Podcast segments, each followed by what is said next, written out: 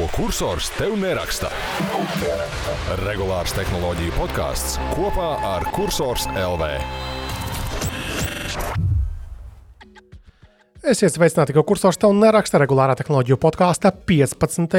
epizodē, kas ir ierakstīta 15. decembrī. Tātad ceturtdienas pievakarē, kaut kā mums tuvojoties svētkiem, šīs brīvdienas tādas sarežģītas sāka palikt. Tāpēc jā, šī ir tā retā reize, kad mēs ierakstām ceturtdienā. Un atbildot uz jautājumu, kas ir mēs šajā gadījumā, šajā epizodē, tad studijā esmu es Kristaps, un sarunai mums ir pievienojušies Jurģis un Henrijs. Čau, čau!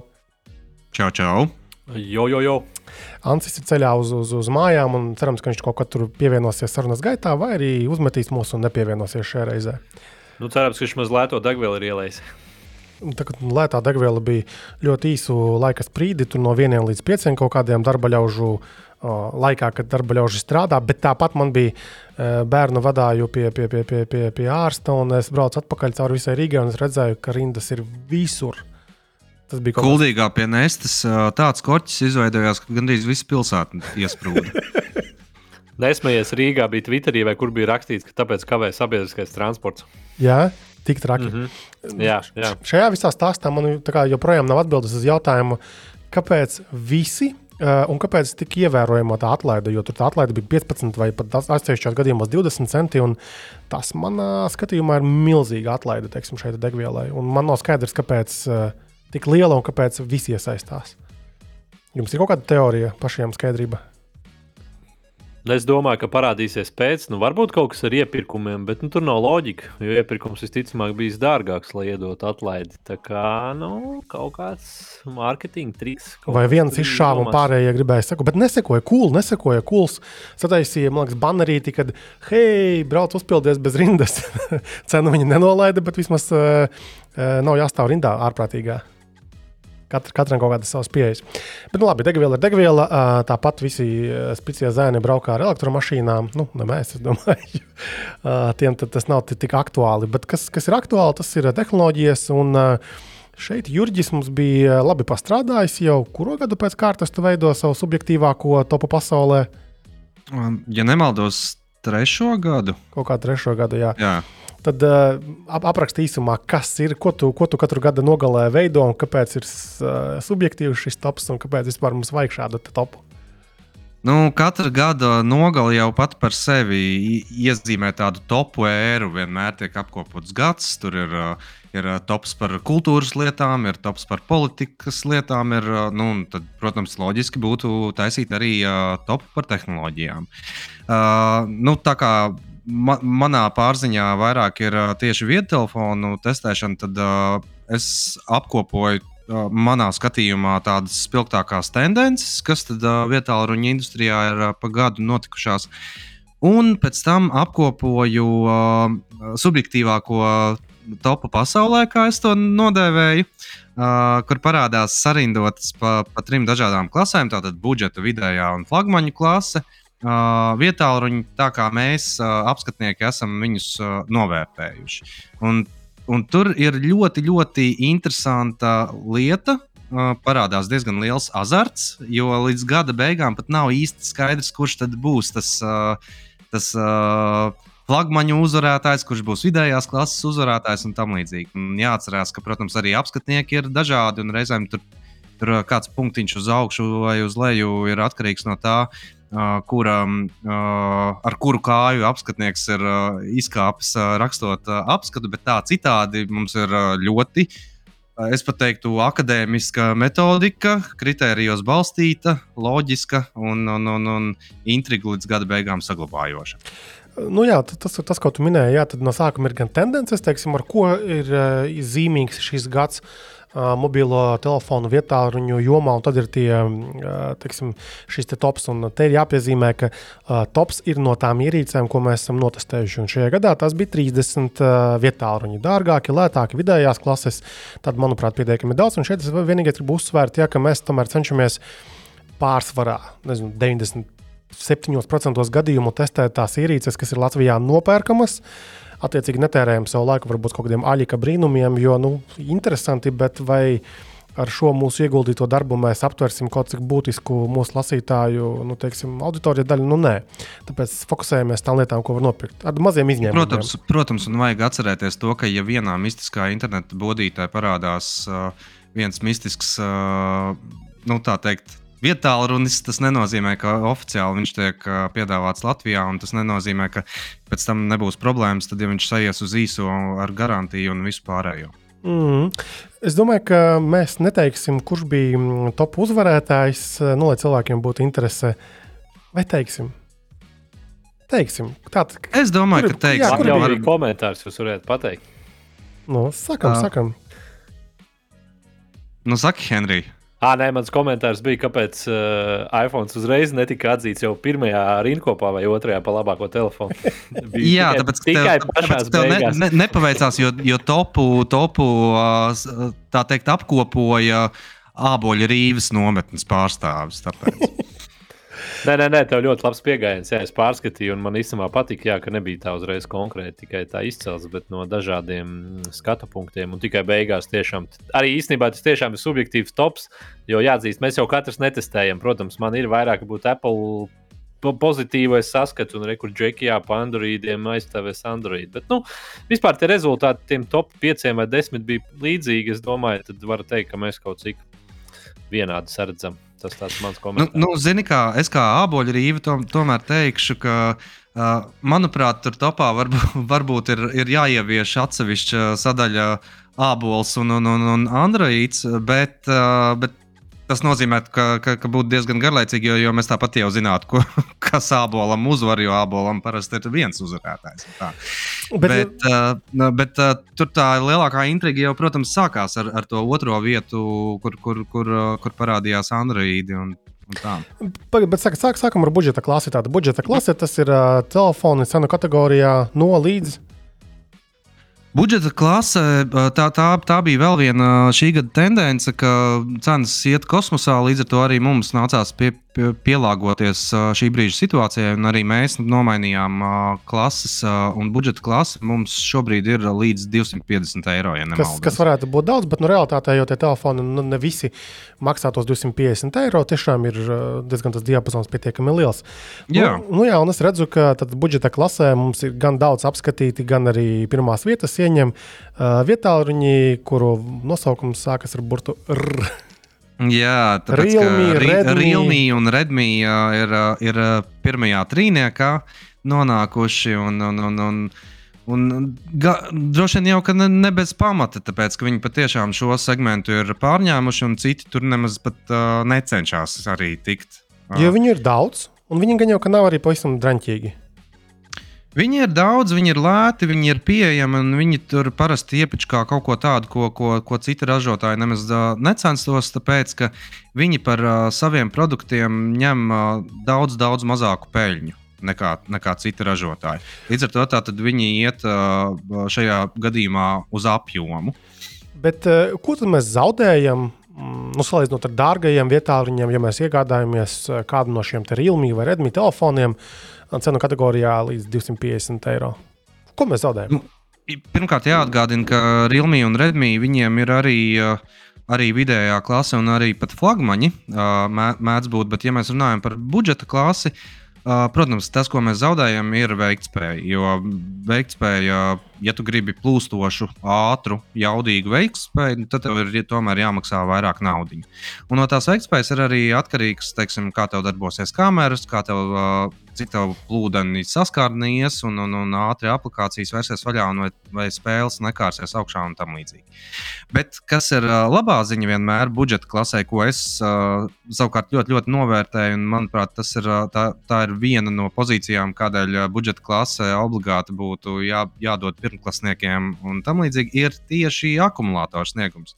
Jo praktiski tajos telefonos nav nekas tāds, kas, kas nenormāli daudz ēstu akumulātoru, un parastā akumulātora darbība ir ļoti, ļoti laba laba. Tā ka, ja jūs gribat uh, būt droši, ka, ka jūsu mazais būs vienmēr sasniedzams, tad pēciet viņam budžeta klases telefonu. Kas ar kamerām ir? Mūsdienās jau ir labas kameras, vai, to, vai nu tā? Nu, būsim reāli. Pārsvarā tur runa ir par vienu puslīdz jēdzīgu nu, galveno kameru aizmugurus. Uh, diemžēl ražotāji mēdz negodprātīgi tur uh, izkaisīt uh, entās kameras pa, pa, pa aizmuguri, bet tie ir Tur patiešām ir runa par kameru apendicītiem, makro kamerām, kuras ir pilnīgi neiedzīgas un nelietojamas, vai, vai, vai piemēram, dziļuma sensoriem. Un dziļuma sensoriem vispār nav nekāda jēga, jo šobrīd visu padara programmatūra. Nu, programmatūra tev rēķina uh, tavas portreta bildes un visu, visu pārējo. Ok, labi. Uh, vidējā klase tad mums tās ir ierīces, kas maksā sākot no 251 līdz 599 eiro. Atkal tā augšējā robeža šķiet diezgan augsta, bet nu, uh, viss paliek dārgāks. Uh, tur es redzu, ka pirmajā vietā ir Nothing Phone 1. Yep, tieši tā, tieši tā. Nothing Phone 1 patiešām ir milzīgs pārsteigums. Kāpēc? Tāpēc, Šogad... ka izskatās pēc iPhone? uh, nu, zini, kā tur, tur, tur manuprāt, šo, šoreiz ir runa par uh, Kārlu Peju, uh, jeb šo Nothing uh, dibinātāju, kurš Uh, lepni pacēla galvu, aizgāja no OnePlus, pēc tam, kad viņš bija dibinājis to un, un, un, un teica, ka, Evo, Džeki, jūs, jūs man, man ar opotu sabojājat visu, visu pasākumu.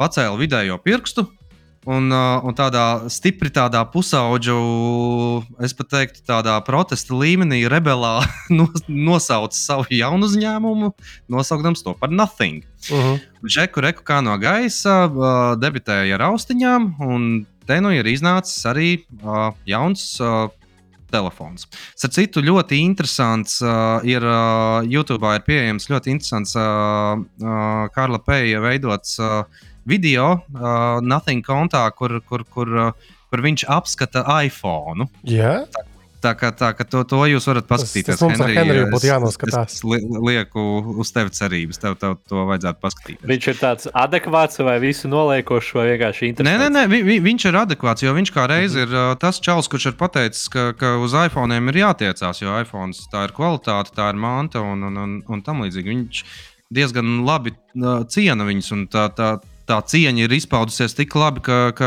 paskatieties uz uh, Nothing Phone uh, tā teikt, korpusu. Viņš ļoti atgādina iPhone. Mm. Pat neskatoties to, to, ka viņš ir izdāļots ar, ar caurspīdīgu aizmugurīti un, un, un uh, tām uh, diodēm, mentajām aizmugurēm.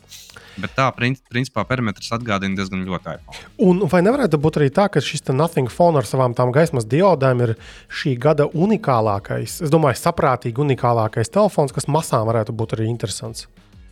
Jā, pilnīgi noteikti. Nu, tas cenas un ieguvuma attiecība ir ļoti, ļoti laba. Jo tu, viņu, tiešām... tu to telefonu lieto ikdienā, joprojām Jā, es, es viņu lietoju ikdienā, un, ja tu, Kristap, dos man zaļo gaismu, es pieļauju, ka, ka gada sākumā es pat varētu sagatavot ilgtermiņa apskatu. Daram tā. Jo es, jo es pamazām jau esmu apaudzis arī druskuļi ar ekosistēmu, man ir austiņas, un es pat pasūtīju tur, tur lādētāju uh, speciālo no Nothing mājaslapas un tam līdzīgi. Un, uh, nu, Katrā gadījumā, gatavo, es kā, kā, gatavo, kā, kā gīgs, man astiņas uh, spīd jau skatoties no tā, kā dzimst jauns uzņēmums un kā viņam uh, ies arī nākotnē. Mm. Bet par pašu Nothing Phone patiešām tas ieguvums ir lielisks, un patiešām tas atgādina OnePlus ziedu laikus, kad, kad runa bija par flagmaņu killeriem. Mm. Šo par flagmaņu killeru akurāt uzskatīt nevar, jo viņam tomēr ir uh, vid, nu, vidējās klases processors, taču viņš lieliski tiek ar visu galā, viss ir plūdeni, viss ir skaisti. Jā, aplūdeni ir skaisti, un es redzu, ka teiksim, šajā te vidējās klases arī telefonu topā mums ir vairāki poko uh, vietāruņi. Es arī poko diezgan labi jūtu, nu, ka daudz šo modeļu arī teiksim, interneta veikalos, vēl vis kaut kur. Un kāds ir tavs tāds, tāds, nu, tāds kopējais, kopējais skatījums uz, uz šo zīmolu? Tie ir pērkami telefoni, tie ir ok telefoni. Nu, protams, vienmēr ieberst, iebersties var, var ar jebko, un iebersties var arī ar ābolu, starp citu. Bet, bet attiecībā par Poko, man tā mana pieredze apskatos ir bijusi pārsvarā ļoti laba. Jo, kā jau Xiaomi apakšzīmols, viņi prot salikt diezgan daudz un labas mantas par saprātīgu cenu. Uh, un, ja mēs atceramies pagājušā gada subjektīvāko topu, tad uh, tieši Poco F3 uzvarēja vidējā klasē, jo, jo tur arī tas piedāvājums bija nu, ļoti, ļoti labs, ar teju flagmaņu cienīgu procesoru, lielisku ekrānu, stereo skaļruņiem. Nu, tur kameras bišķiņi piekluboja. Nu, un šogad otrajā vietā ir nonācis Poco F4, kas ir turpinātājs. Uh, kurš arī ir uh, ļoti labs foršs telefoniņš. Vienkārši tur tā izaugsme vairs no, no tā iepriekšējā gada nav tik kardināla, un tāpēc īsti viņam divreiz vienā upē neizdevās iekāpt. Un piektajā vietā savukārt ir Poco X4 Pro 5G. Uh, man kaitina šausmīgi šie garie nosaukumi. Viņi varētu beidzot atkabināt tos 5G, jo man liekas, tā vairs nav stēle, kas būtu obligāti jānorāda nosaukumos, bet nu labi, tas tā. Bet, uh, principā, arī tas bija tīri prātīgs, labs uh, telefoniņš ar ļoti izteiksmīgu dizainu, ar uh, labu uh, AMOLED ekrānu, skaļiem stereo skaļruņiem. Jā, tur mazliet, uh, mazliet tas processors ir drusku pavājš, un, un, un, un varbūt tur, tur uh, kameras, nu, tur, tur tādas arī drusku viduvējas, bet par prasīto cenu Tur viss strādā, tur viss, uh -huh. viss tā kā notiek. Vidējā klasē mums ir raksturīgi ar ko? Ar jaudīgākajiem procesoriem, chipsetiem, labākām beidzot kamerām. Kas vēl? Nu, jāteic, ka diezgan atšķirīgs ir vidējās klases uh, zemais gals. Tātad, ka tas, kas ir uh, 251 eiro, līdz, līdz tam, tam galam, kas ir uh, augšējais gals. Bet augšējā galā patiešām mēs varam redzēt diezgan labas kameras jau. Uh, mēs varam redzēt uh, kvalitatīvus korpusus ar ūdens izturību. Mēs varam redzēt arī daudz dažādas citas lietas. Un pie, pie tām kamerām uh, man ir jāmin divi vidējās klases pārstāvji. Viens būtu Honor 70. Kurš patiešām uh, prezentēja vidējā klasē viens no labākajām kamerām. Uh, tiešām lielisks sniegums, par ko es biju patīkami pārsteigts. Un otrs būtu, protams, Google Pixel 6. Jo tur, tur tas stāsts bija interesants ar to, ka uh, redz, ko nozīmē attīstīta pēcapstrāde, uh, ka tu vari no, no uh, stipri viduvējiem un veciem dzelžiem panākt to pašu efektu, ko, ko citi ražotāji no jaunākiem dzelžiem, kamerām. Uh -huh, uh, labi. Un tad uh, dārgajā galā flagmaņu klasē, kas sākas no tātad šiem 600 eiro uh, par telefonu un beidzas pusotras tūkstotis un, un uz augšu. Tur pirmajā nu, tad, vietā. Eh, runājot par tiem pusotriem tūkstošiem, mums pirmā vietā ir viens tāds pusotrs tūkstotis. Henrija, uh, aplaudēju tev, jo, jo tas ir tieši tavs ap, apskats. Uh, runa ir par Apple iPhone 14 Pro Max. Tie arī varētu reducēt savus nosaukumus. Nu, nejāgā garš. Nu, Es tev piekrītu, man liekas, Samsungam tas pats par Sony nerunāsim. Jā, ka jāraksta apskats, tad liekas, nu, gribētos to valodu bagātināt, vai vismaz, zin kā, lai par konkrēto modeli runātu, tad tev visu laiku ir kaut kā jāatkārtojas caur rindām. Vai, jā, jā. Bet, bet es redzu, teiksim, pēc tiem punktiem, jā, tam iPhone 14 Pro Max ir 8,7 balvas no 10, un tad tālāk otrajā vietā ir Sony Xperia 1,4, 8,3. 1 Mark 4. 1 Mark 4, 8,3 punkti, un trešajā vietā Asus Zenfone 9, 8,1 punkts. Tā, kā, tā starpība nav tik būtiska. Šeit ir liekas, jāsaprot, tas, ka visi šie dārgā gala telefoni būs labi. Tur tālāk jau ir kaut kādu mazāku detaļu, tur realizācijas nianses, varbūt kaut kāda drusku subjektivitāte vēl arī nāk klāt. Bet tu no, nopērkot dārgu telefonu, vismaz no tiem, ko, mēs esam apskatījuši, viņi visi būs vairāk vai mazāk labi. Tikai... Nu, tas, tiešais, tas tiešais piemērs ir par Samsung Galaxy S22 Ultra. Uh, nu, foršs telefons, patiešām nenormāls. Astoņas balvas. Jā, astoņas balvas šoreiz tikai tā iemesla dēļ, ka tad, kad uh, tas telefons atbrauc pie mums uh, uz testu, viņi nebija vēl līdz galam sakārtojuši programmatūru. Līdz ar to tur bija kaut kāda ne, neliela aiz, aizķers gan kamerām, gan, gan, gan pašam plūdinumam un tam līdzīgi. Un tagad ar updatiem viņi, protams, to, to jau ir panākuši. Sakārtojuši autofokusu, uh, sakārtojuši arī, uh, lai krāsu krāsu kalibrācija būtu atbilstoša visām, trim, nu, visām četrām kamerām, vienāda un, un, un tam līdzīgi. Un līdz ar to tikai viena desmitdaļa punkta uh, Samsung šajā gadījumā šķīra līdz 50 tālam. Mm. Šajā dārgajā galā mēs redzam arī tādu interesantu tendenci, ka uh, Nu, ka vairs baigi nevar rauties ar uh, tiem jaudīgajiem procesoriem, jo tur mēs atduramies pret to dzēsēšanas problēmu. Tad, principā, tev ir milzīgi jaudīgs, dārgs uh, processors, kurš nepilda līdz galam savu darbu. Te gan interesanti, man liekas, nāk tālāk arī šie te gameru telefoni. Ja? Tur asus uh, rokfoni, ja, kas, kas nāk speciāli ar ietvariņiem, kur ir ventilatori iekšā. Un, uh, ko tu par to vari teikt, Jurģi? Nu, teikšu godīgi, man šo, šogad neviens uh, gameru telefons nav bijis uz testu. Tur, tur Ansis vairāk ar viņiem ir, uh, ir, ir pas, paspēlējies. Uh, bet jā, nu, te mēs atduramies pret to, to vienu lielo lietu, ka tā dzēsēšana, nu, teiksim, viens ir palielināt jaudu, bet tā jauda kaut kādā brīdī tev ir arī nu, jāspēj savākt. Uh, Un, un, protams, arī nākamajā gadā jaudas tiks palielināts, bet par dzēsēšanu ir jādomā. Un, ja mēs gribam atstāt telefonus kompaktus, vienā brīdī nu, to jaudu palielināt vairs nav nekāda jēga. Nu, mhm. -huh. teiksim, man, manuprāt, mēs jau esam sasnieguši kaut kādu veidu griestus, jo, jo kamēr tev, tev nav nekāds nezinu, jauns tehnoloģisks izrāviens, 6G vai, vai, vai, vai, vai, vai metaverss vai, vai, vai kaut kas tamlīdzīgs, tev, tev nu, tiešām to jau, jaudu vairs audzēt nav jēga, bet ir, ir jādomā par to, kā dzēsēt, kā nodrošināt stabilitāti. Un šajā ziņā šogad īstenībā diezgan uh, lielu pārsteigumu ir sagādājis Mediatek. Uh, kam stabilitātes ziņā procesori ir noturīgāki pat par Qualcomm. Mm. Neskatoties to, ka viņi varbūt pat nu, viņi ne, nedevēl jaudas ziņā tik, tik tālu, bet tik, tikko es arī tieši pabeidzu testēt uh, Xiaomi 12T, kam bija MediaTek processors, uh, un, un, un patiešām nu, stabils. Nav nevainas, arī ilgi viņu spēlēt, viņš nekarst tev. tev, tev kadri nezūd un, un, un tam līdzīgi. Tiešām foršs labs darbs. Nu jā, milzīgs paldies tev, Jurģi, arī par šo lielo darbu, gan arī gada gaitā testējot šos te izteikti budžeta un vidējās klases vietāruņus. Un es arī speciāli tieši tev viņus cenšos nosūtīt, jo ja tu redzi līdzīgas ierīces, tad tu smuki vari arī salīdzināt, ah, tam tur bija šī tā, ah, šitam bija tur kameras labākas, un, un tas tev iedod tādu foršāku skatījumu gan individuāli katrā tajā apskatā no tām ierīcēm, un arī veidojot uh, gada nogalē šos subjektīvos topus. Uh, tātad šo te topu tu vari atrast uh, kursors LV, uh, vai nu uzvelkot peli uz apskati, tu jau vēl rādās tajos četros tajos pēdējos rakstos, vai arī nospiežot uz apskatu sadaļā no datora, tad tu redzēsi augšējā tajā slēgā tie četri pēdējie šīs lielās kategorijas raksti, un tur ir šis 2022. gada vietā telefona tendences.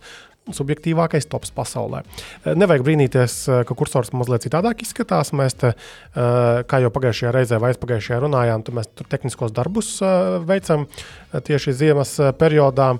Un arī pagājušajā nedēļas nogalē mēs atjaunojām to tēmu, nu, jeb to dizainu, kas ir kursoram, un tas radīja problēmas drusku. Tad es nonācu līdz atziņai, ka WordPress tomēr ir tik bremzīga padarīšana, ka tur bez nopietnas kešošanas nav iespējams šo visu pasākumu darbināt. Tad tagad mēs pieskrūvējām vēl arī Redisu. Uh, kas ir tāds object eh, cache, eh, kas saglabā pieprasījumus. Tad, principā, tagad drusku labāk un stabilāk arī darbojas. Un visā šajā procesā arī viņi pamainījām arī dizainu. Tagad drusku tīrāks, vienkāršāks, nu, lai, lai gala rezultātā viss darbojas ātrāk un patīkamāk arī jums, darbie klausītāji un lasītāji. Labi, mm, subjektīvākais tops mums ir izrunāts, izrunāta tēma. Es domāju, ka tagad Henrijs ir ļoti noilgojies pēc kaut kāda uh, skatījuma uz Apple lietām. Kas mums ir Apple tēmās bijis aktuāls šajā nedēļā, tavuprāt?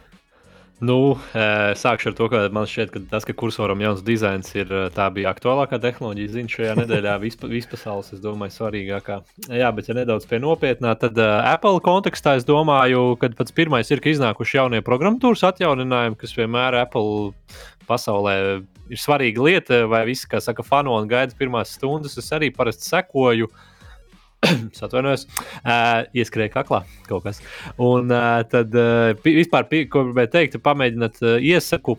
Piesakot, Twitterī ir labs konts. Es tagad precīzi neatceros, bija Apple software vai kaut kas tāds, un viņi ik pa laikam arī raksta, ka tieši iznāk, un viņi apkopo. Man tas patīk, tie, kas vispār grib sekot līdzi sitienu. Jā.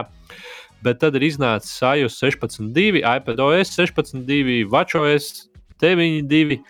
Mako es kaut kāds, man liekas, 13, arī 13, 2. Tā kā jā, visiem viss ir atjaunojies. Un uh, īsti jau nekas jauns nav. Nu, kā, kā tā nav? Nu, kā tā nav? Freeform Nē, nu, lietotne.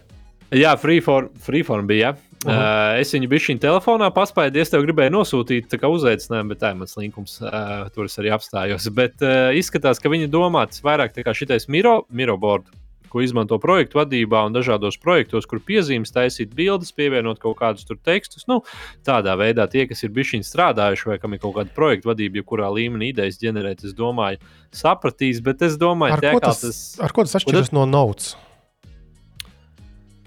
A, vieglāk notos nevar tā tik. A, vispār labs jautājums. Jo notos jau arī var zīmēt. Es runāju tagad ne, pat ne tikai telefona gadījumā, bet uh, no planšetes, piemēram.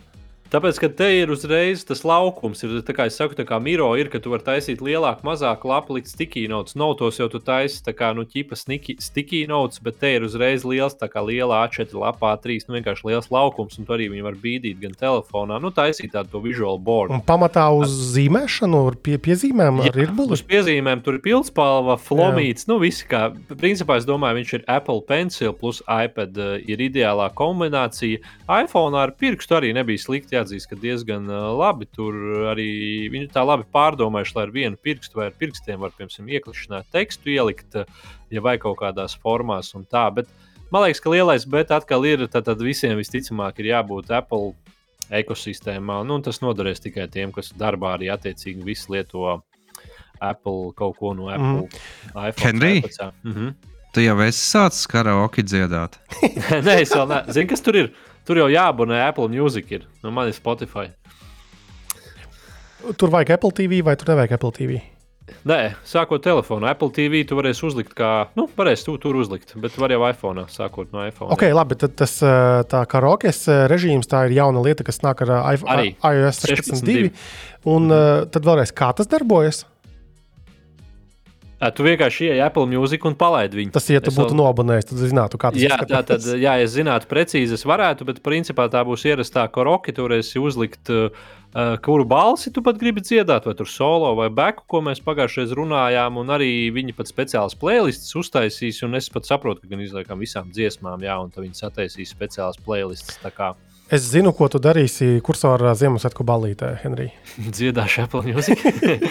Karokīt. Jā, vismaz būs varēsim pēc tam. Kopā ar Anci varēs, varēs dziedāt jā, trijiem rītā. Ideāli, es jau gaidu. Nevaru sagaidīt mūsu duetu.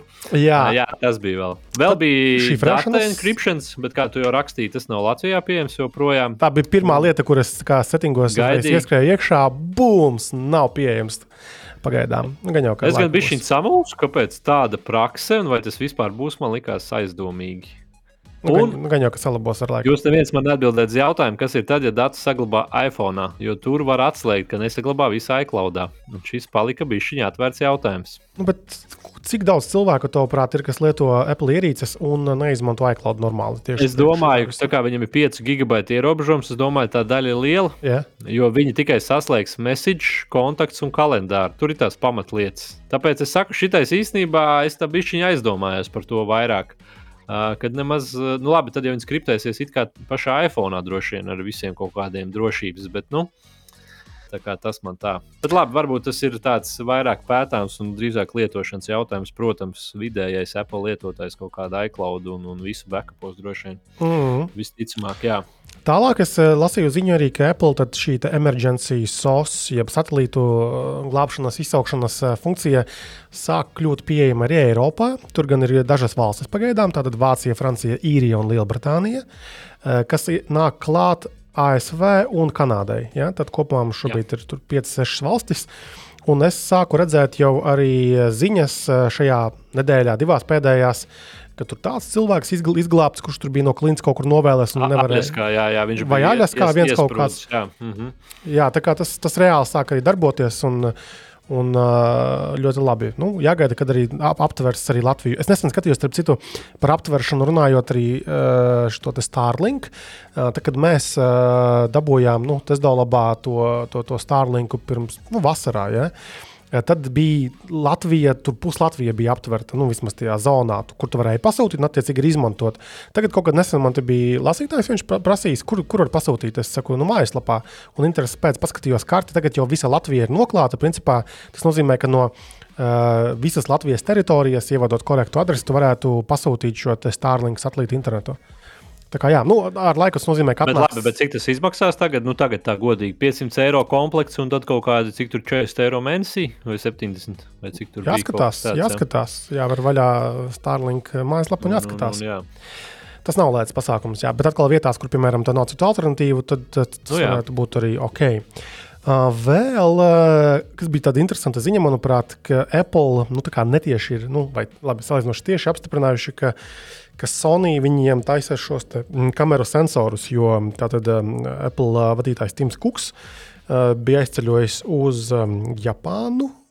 Un tur bija atbildējies, ka viņš tur pie Sony ciemos ir aizbraukuši. Un, jā, nu, tādējādi parādot, ka, ka, ka vokur tur ir telefoniņš, iPhone, vai kur tur ir kaut ko par sensoriem runā. Nu, jā, kad beidzot mums ir šie sensori no Sony. Bet man liekas, ka tā ir tāda visiem zināma lieta, varbūt oficiāli neapstiprināta. Nu, jau nezinu, cik, cik, cik, cik senti iPhone ir, tik mēs zinājām, ka tur iekšā ir Sony sensori. Un mēs pat rantojām parasti, kā tas nākas, ka ar tiem pašiem sensoriem vai vismaz līdzīgiem sensoriem Sony pašam telefonos nesanā, nesanāca senos laikos lietas, bet iPhone jau toreiz bija fenomenāla šīs kameras sniegums. Programmatūra. Programmatūra. Tas, ko Jurģis minēja arī. Uh, arī iepriekš. Tas ir citu, kāpēc eh, pikseli ir tik krūti. Tāpēc, ka Google, nu, atkal vismaz pirms nezinu, paudzes vai pusotras vai divām, savos pikseļos bija galvas tiesu tālāk tikuši tieši programmatūras ziņā. Viņiem bija pat necilēts tās kameras, tīri megapikseļu ziņā, bet toties tā, tā, tā programmatūra darīja nu, brīnumus. Tagad jau, man liekas, vairums ir piedzinušies. Nu, pie, piemēram, tas pats uh, mans testētais uh, Google Pixel 6a, viņš izmanto četrus gadus vecu sensoru. Mm -hmm. Un, un, un četri un, gadi tā, ir ārprātīgi. Tā, tās bildes ir ļoti labas. Jā, Brāns, mums vajag to septīto dabūt, bet es nevaru saņemties tik daudz samaksāt, jo nekur citur Latvijā viņi nevar dabūt uz testu. Neviens mums nedod. Mēģināt. Bet vai tas beigās būs vērts? Nu, nu, nebūs, būs mīnus 200 eiro bet, kaut kādi. Bet gribās pierādīt, ka var, ja? ka var dabūt, uztaisīt. Nē, vi, vi, Labi, es, es, es mēģināju, zinu, kā vēl tādu tā, pieeju, ka nu, varbūt es palietošu tagad Android telefonu, nolikšu visus savus iPhone mantas malā, un, bet vēl nespēju sevi nopamatot. Varbūt vairāk man ar sevi jāpastrādā. Varbūt pēc jaunā gada jauns, eh, jauns apņemšanās. Jaun, jā, jā, apņemšanās. À, runājot par Starlink, es apskatījos, jā, ir no. 450 eiro par hardware, pa visu sistēmu un 60 eiro mēnesī. 60 jau. Jā, jā bet tas ir tā kā Latvijai. Es ievadīju savu adresi, jā, viņš diezgan ātri atrada. Ok, labi. Uh, un vēl par uh, Apple lietām, man liekas, ka bija tāda interesanta ziņa par to, ka Apple varētu nākties Eiropā um, atļaut piedāvāt citus lietotņu veikalus. Šis ir tas stāsts par Eiropas Savienības birokrātiem un, un birokrātiju. No vienas puses gribētos uh, spuroties un klaigāt, nu, kad ot, Eiropieši paši nevar uzbūvēt tehnoloģijas, un tagad baigi aiztiks vietās uh, šos amerikāņu kompānijas. No otras puses, nu, tas tomēr ir mūsu gala lietotāju interesēs. Un nav jau tā, ka, ka birokrātija vienmēr ir slikta galu galā. Nu, par roamingu mēs nemaksājam vairāk, nu, ārzemēs lidojot. Tas ir, tas ir viens jautājums, un, un teiksim, dažādi. Izņemot, ja tu uz UK brauc. Nu, bet tur ir, tā ir viņu no, problēma. Eiropas, tā nav mūsu problēma. Jā. Jā. Jā. Mm. Nu, un, un tur, tur tas stāsts ir tāds, ka, uh, ka piedāvāt plašākas iespējas gan programmatūras izstrādātājiem, nu, kad tev nav vienmēr jā, jāpakļaujas tam Apple, ja, nu, kas, kas savāks šo 30% tiesu no, no tavām peļņas. Daļā gadījumu, uh, bet jā, kad, kad var citās vietās izvietot, un kad cilvēki var izvēlēties arī citus šos lietotņu veikalus, Tāpēc kopumā tā ir laba doma. Un, un šeit, tā, balstoties uz baumām, izskatās, ka Apple to nopietni ņem vērā un sāk jau strādāt pie tā, lai tie 2024. vai kurā gadā par to būs kaut kas jau jā, jārāda viņiem, ka, lai viņi būtu gatavi. Vēl viena no šādām līdzīgām lietām ir tas, ka viņiem būtu jāpadara savienojumu ar citiem savu iMessage platformu. Tur atkal baumas rāda, ka īpaši neraujas. Un, ja mēs pavērotu, kas notiek tirgū, tad Google jau visu laiku pušo savu to RCS standartu, kas ir tā tāds niknāks SMS uz steroīdiem.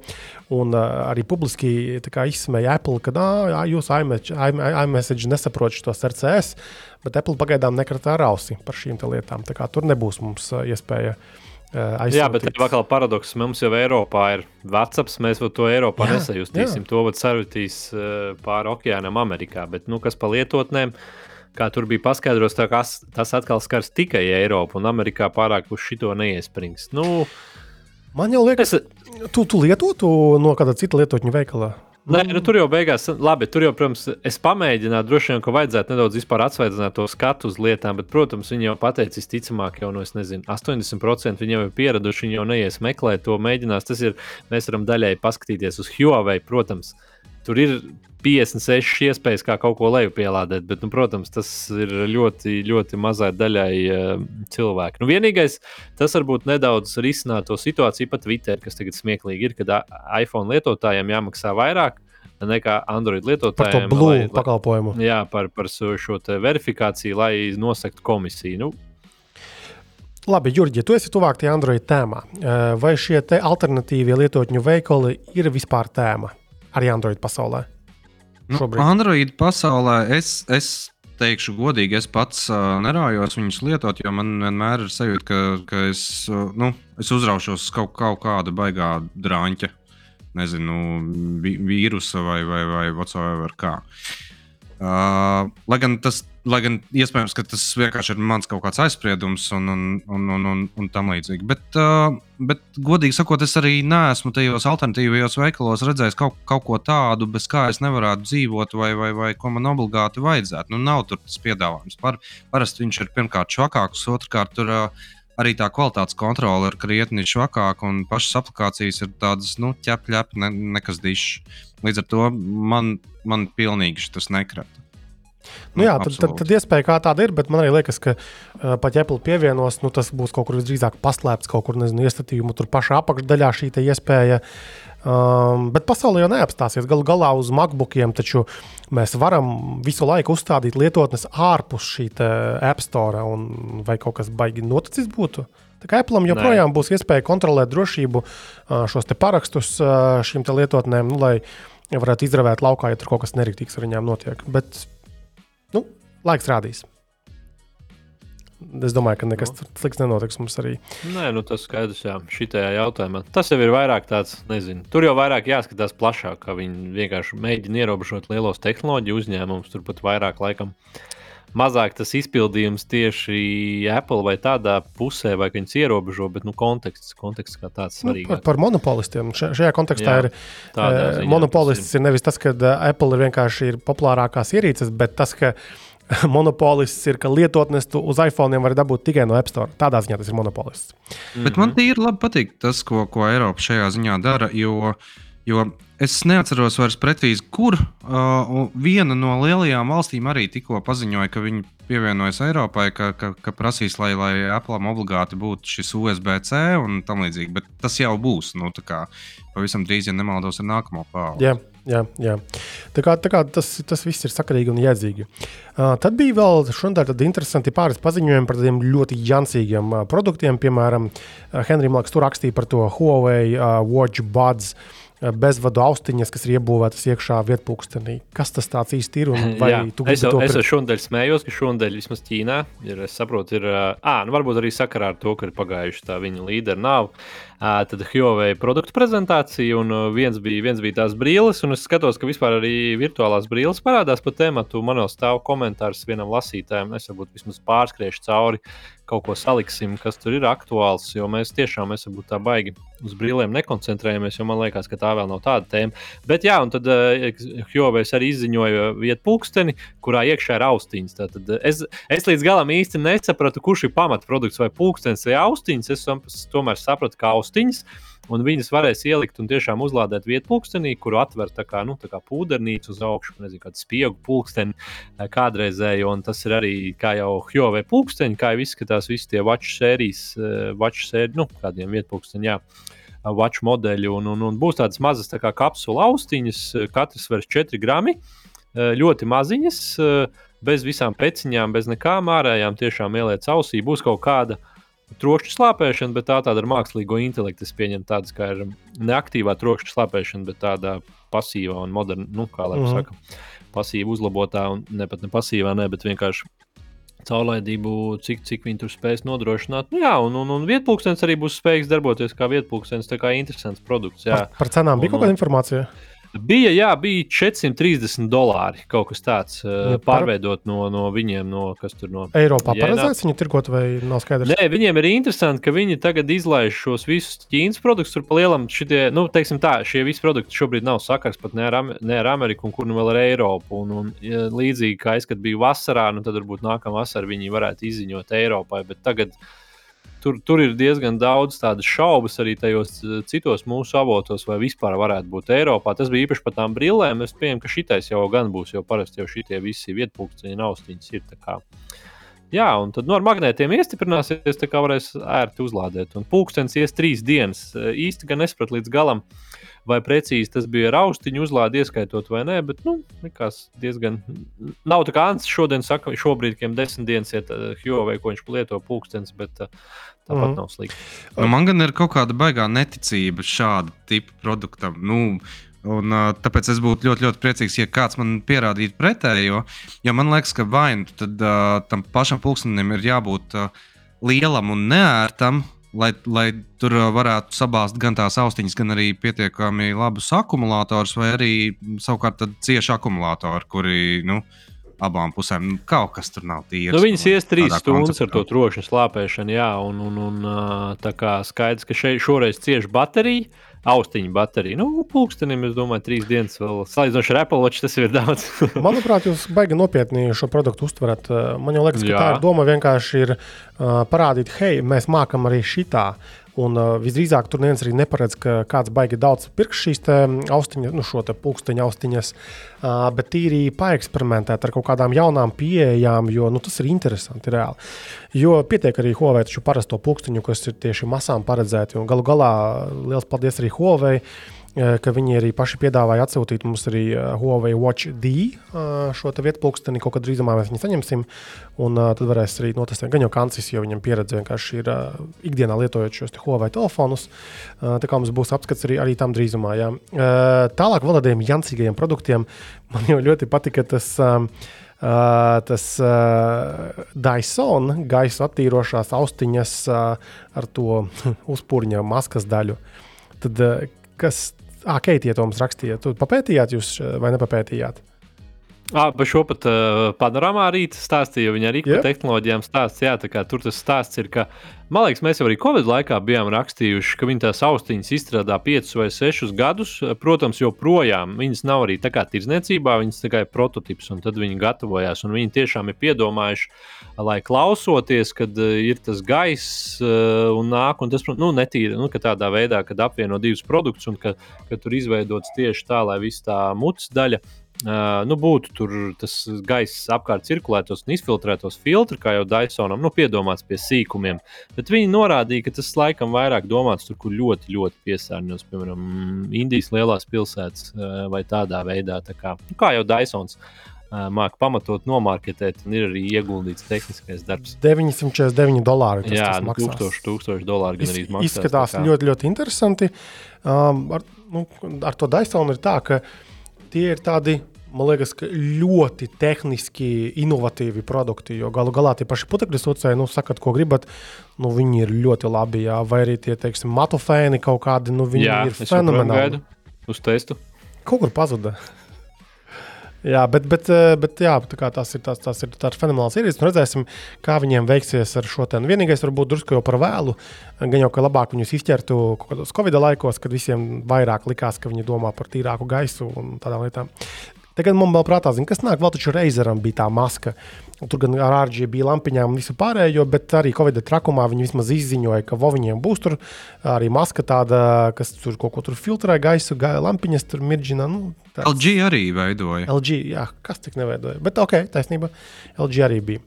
Lūk, Kristap, klausies, runājot par, par uh, jancīgajiem gadgetiem, vai tu vari kaut ko nokomentēt par to kaķu barotāju? Jo es apstājos, ka tu esi publicējis apskatu, un es tieši, tieši nodomāju, bāc, maniem kaķiem šo arī vajadzētu. Ir ok vai nav ok? Jā, tad šodien publicēts tika Akara Smart Pet Feeder C1 apskats. Tātad tas ir tādam nu, liela steikanas čaņķa izmēra kaste, kurā mēs varam sabērt uh, līdz 4 litriem tilpuma uh, barību sauso. Un uh, ieprogrammēt tātad uh, no mobilās lietotnes, uh, lai noteiktā grafikā, teiksim, trīs reizes dienā, uh, pa, pa tik, tik porcijām uh, tiek izbērti šie graudiņi. Ja? Un, uh, tas darbojas. Mūsu muris uh, mājās nu, nedēļas, divas, trīs uh, ikdienā. No sākuma viņam bija, protams, bailes, kas tagad notiek, kas tas par jaunu vērķi parādījies. Ir.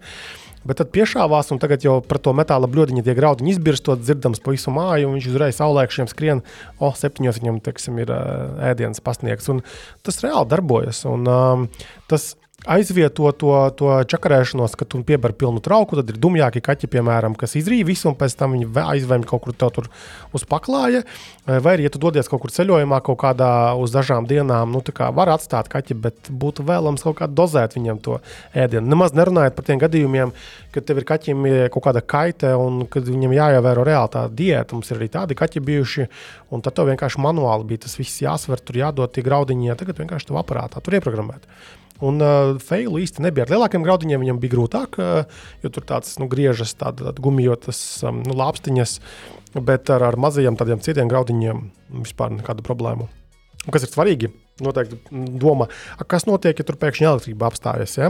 Tajā vērtī var iebāzt arī baterijas lielās, trīs apakšā, un tad principā viņš mācīs uh, turpināt savu to grafiku. Arī, arī tad, ja teiksim, elektrība kaut kur mājās pazudusi, tad tas kaķis nenobeigsies blakus pie pilna pārtikas trauka, pie kur viņš nevar tikt iekšā. Un viņš arī nevar tikt iekšā, jo tur viss smuki aiztaisās ciet un uh, uzbrukumus atvērt. Tur jau var dozēšanu uzlikt, teiksim, nezinu, viņš 10 sekundes ber, kā tā dozēšana notiek. Tur ir pa porcijām, tur respektīvi uh, viņš Atcīm redzot, kaut kāds viens grieziens vai divi griezieni, tā ir tā, tā viena porcija, uh, un tu nosver uh, pēc tam, nu, cik tas grami reāli ir uz saviem virtuves svariņiem, un tad tu ieprogrammē, ok, tas ir tik grami, un tad tu vari norādīt, tur dot vienu porciju vai, vai divu porcijas kaut kādas, un, un tā tu vari saprast, cik tu viņam dot. Jā, nu skaidrs, kaut kas līdzīgs kā, kā granulas svar. Jā, jā, es, es domāju, ka jā. Maksā, maksā, tas, maks... tas ir domāts vienam kaķim, jā, jo man, piemēram, mājās ir divi. Nu, tad visdrīzāk, nu kā viņi to pat barojas. First taču... come, first serve. jā, kurš pirmais izrīt, tas pirmais izrīt. Eh, bet tas taču tāpat viņi ēd no vienas bļodas. Vai katram savu bļodiņu ir kaut kāda? Katram ir atsevišķs. Es vienkārši do, do, domāju, vai, nu, bet, vai ja viens izriet, tad otrs ir, ir iespējams piepirkt kaut kādu, nezinu, pamatnīti ar. ar Nē, tu vari, piep, tu, tu vari piepirkt otru, otru tādu pašu vērķi. Vai arī vienkārši nopērts vienu un tad dod par diviem, lai viņš izbar laukā. Un lai mācās uh, sadzīvot. Bet tāpat viņi, nu, kas, ja, ja, ja iebērts ir murim kaut kādam, tu domā, otrais nēdīs, ja viņam gribēsies ēst, ja viņš redzēs, ka pirmajam vēl ir palicis kaut kas. Vai tev ir ļoti attīstīti intelektuāli kaķi? Jā, man ir pārsvarā ļoti kultūrāli kaķi, kuri Jā. bieži vien uh, norāda, te, nolamā tevi tajā brīdī, kad trauki ir tukši. Un, mm. un, un, un, un, un norāda, kad viņiem ir jāiet ārā, jo, jo tas vienmēr notiek pēc viņu grafika, nevis pēc manējā. Tā ar tiem kaķiem ir. Jā. Uh, 100 eiro maksā plus mīnus uh, šis vērķis. It kā liekas daudz, bet nu, uztveriet to tā, ka tas atvieglo tev, tu vispār nedomā par sausās barības pasniegšanu. Tu iebēri tu tos graudiņus, to pakoja, un principā par nedēļu tu vispār nedomā. Tu tikai dzirdi, ka tur ding, ding, kaut kas izbirst. Un, Principā tu vari vēl pat automatizēt, ja tu kameru nopērci, ka uh, graudiņu izbēršanas brīdī tev kamera pagriežas pret šo barošanas vietu, un tu vari vēl iečekot, vai tiešām tur kaķis atnāca pēda, vai tiešām izbira tie graudiņi, ja tu uztraucies tik ļoti, un tad kamera pēc tam pabeidzas un aizgriežas atpakaļ uz, nezinu, uz to durvīm vai logu, ko viņi skatās. Arī to var automatizēt. Normāls foršs vērķis patiesībā Viņi var salikt ar Apple Home kit, vai viņiem būs Matter atbalsts? uh, tur ir tāds viens haks. Uh, kā tu vari uh, home, home dabūt nu, teiksim, šajā Apple lietotnē, bet principā īsa atbilde ir, ka nu ne īsti. Nu, kurš atsevišķi lietotnē? Jā, kā ar home, jā, kurā ir visas pārējās šīs sensori un, un visas pārējās lietas. Lūk, uh, vēl kāds jancīgs gadgets ir prātā? Uh, man liekas, ka Google Pixel Fold. Pixel Fold. Nu, nav jāncīgs, pa lielam viņš vienkārši būs lielāks Samsung Fold. Jau pat pēdējais garāks viņš būs. Bet tas ir baumu un, līmenī joprojām pareizi.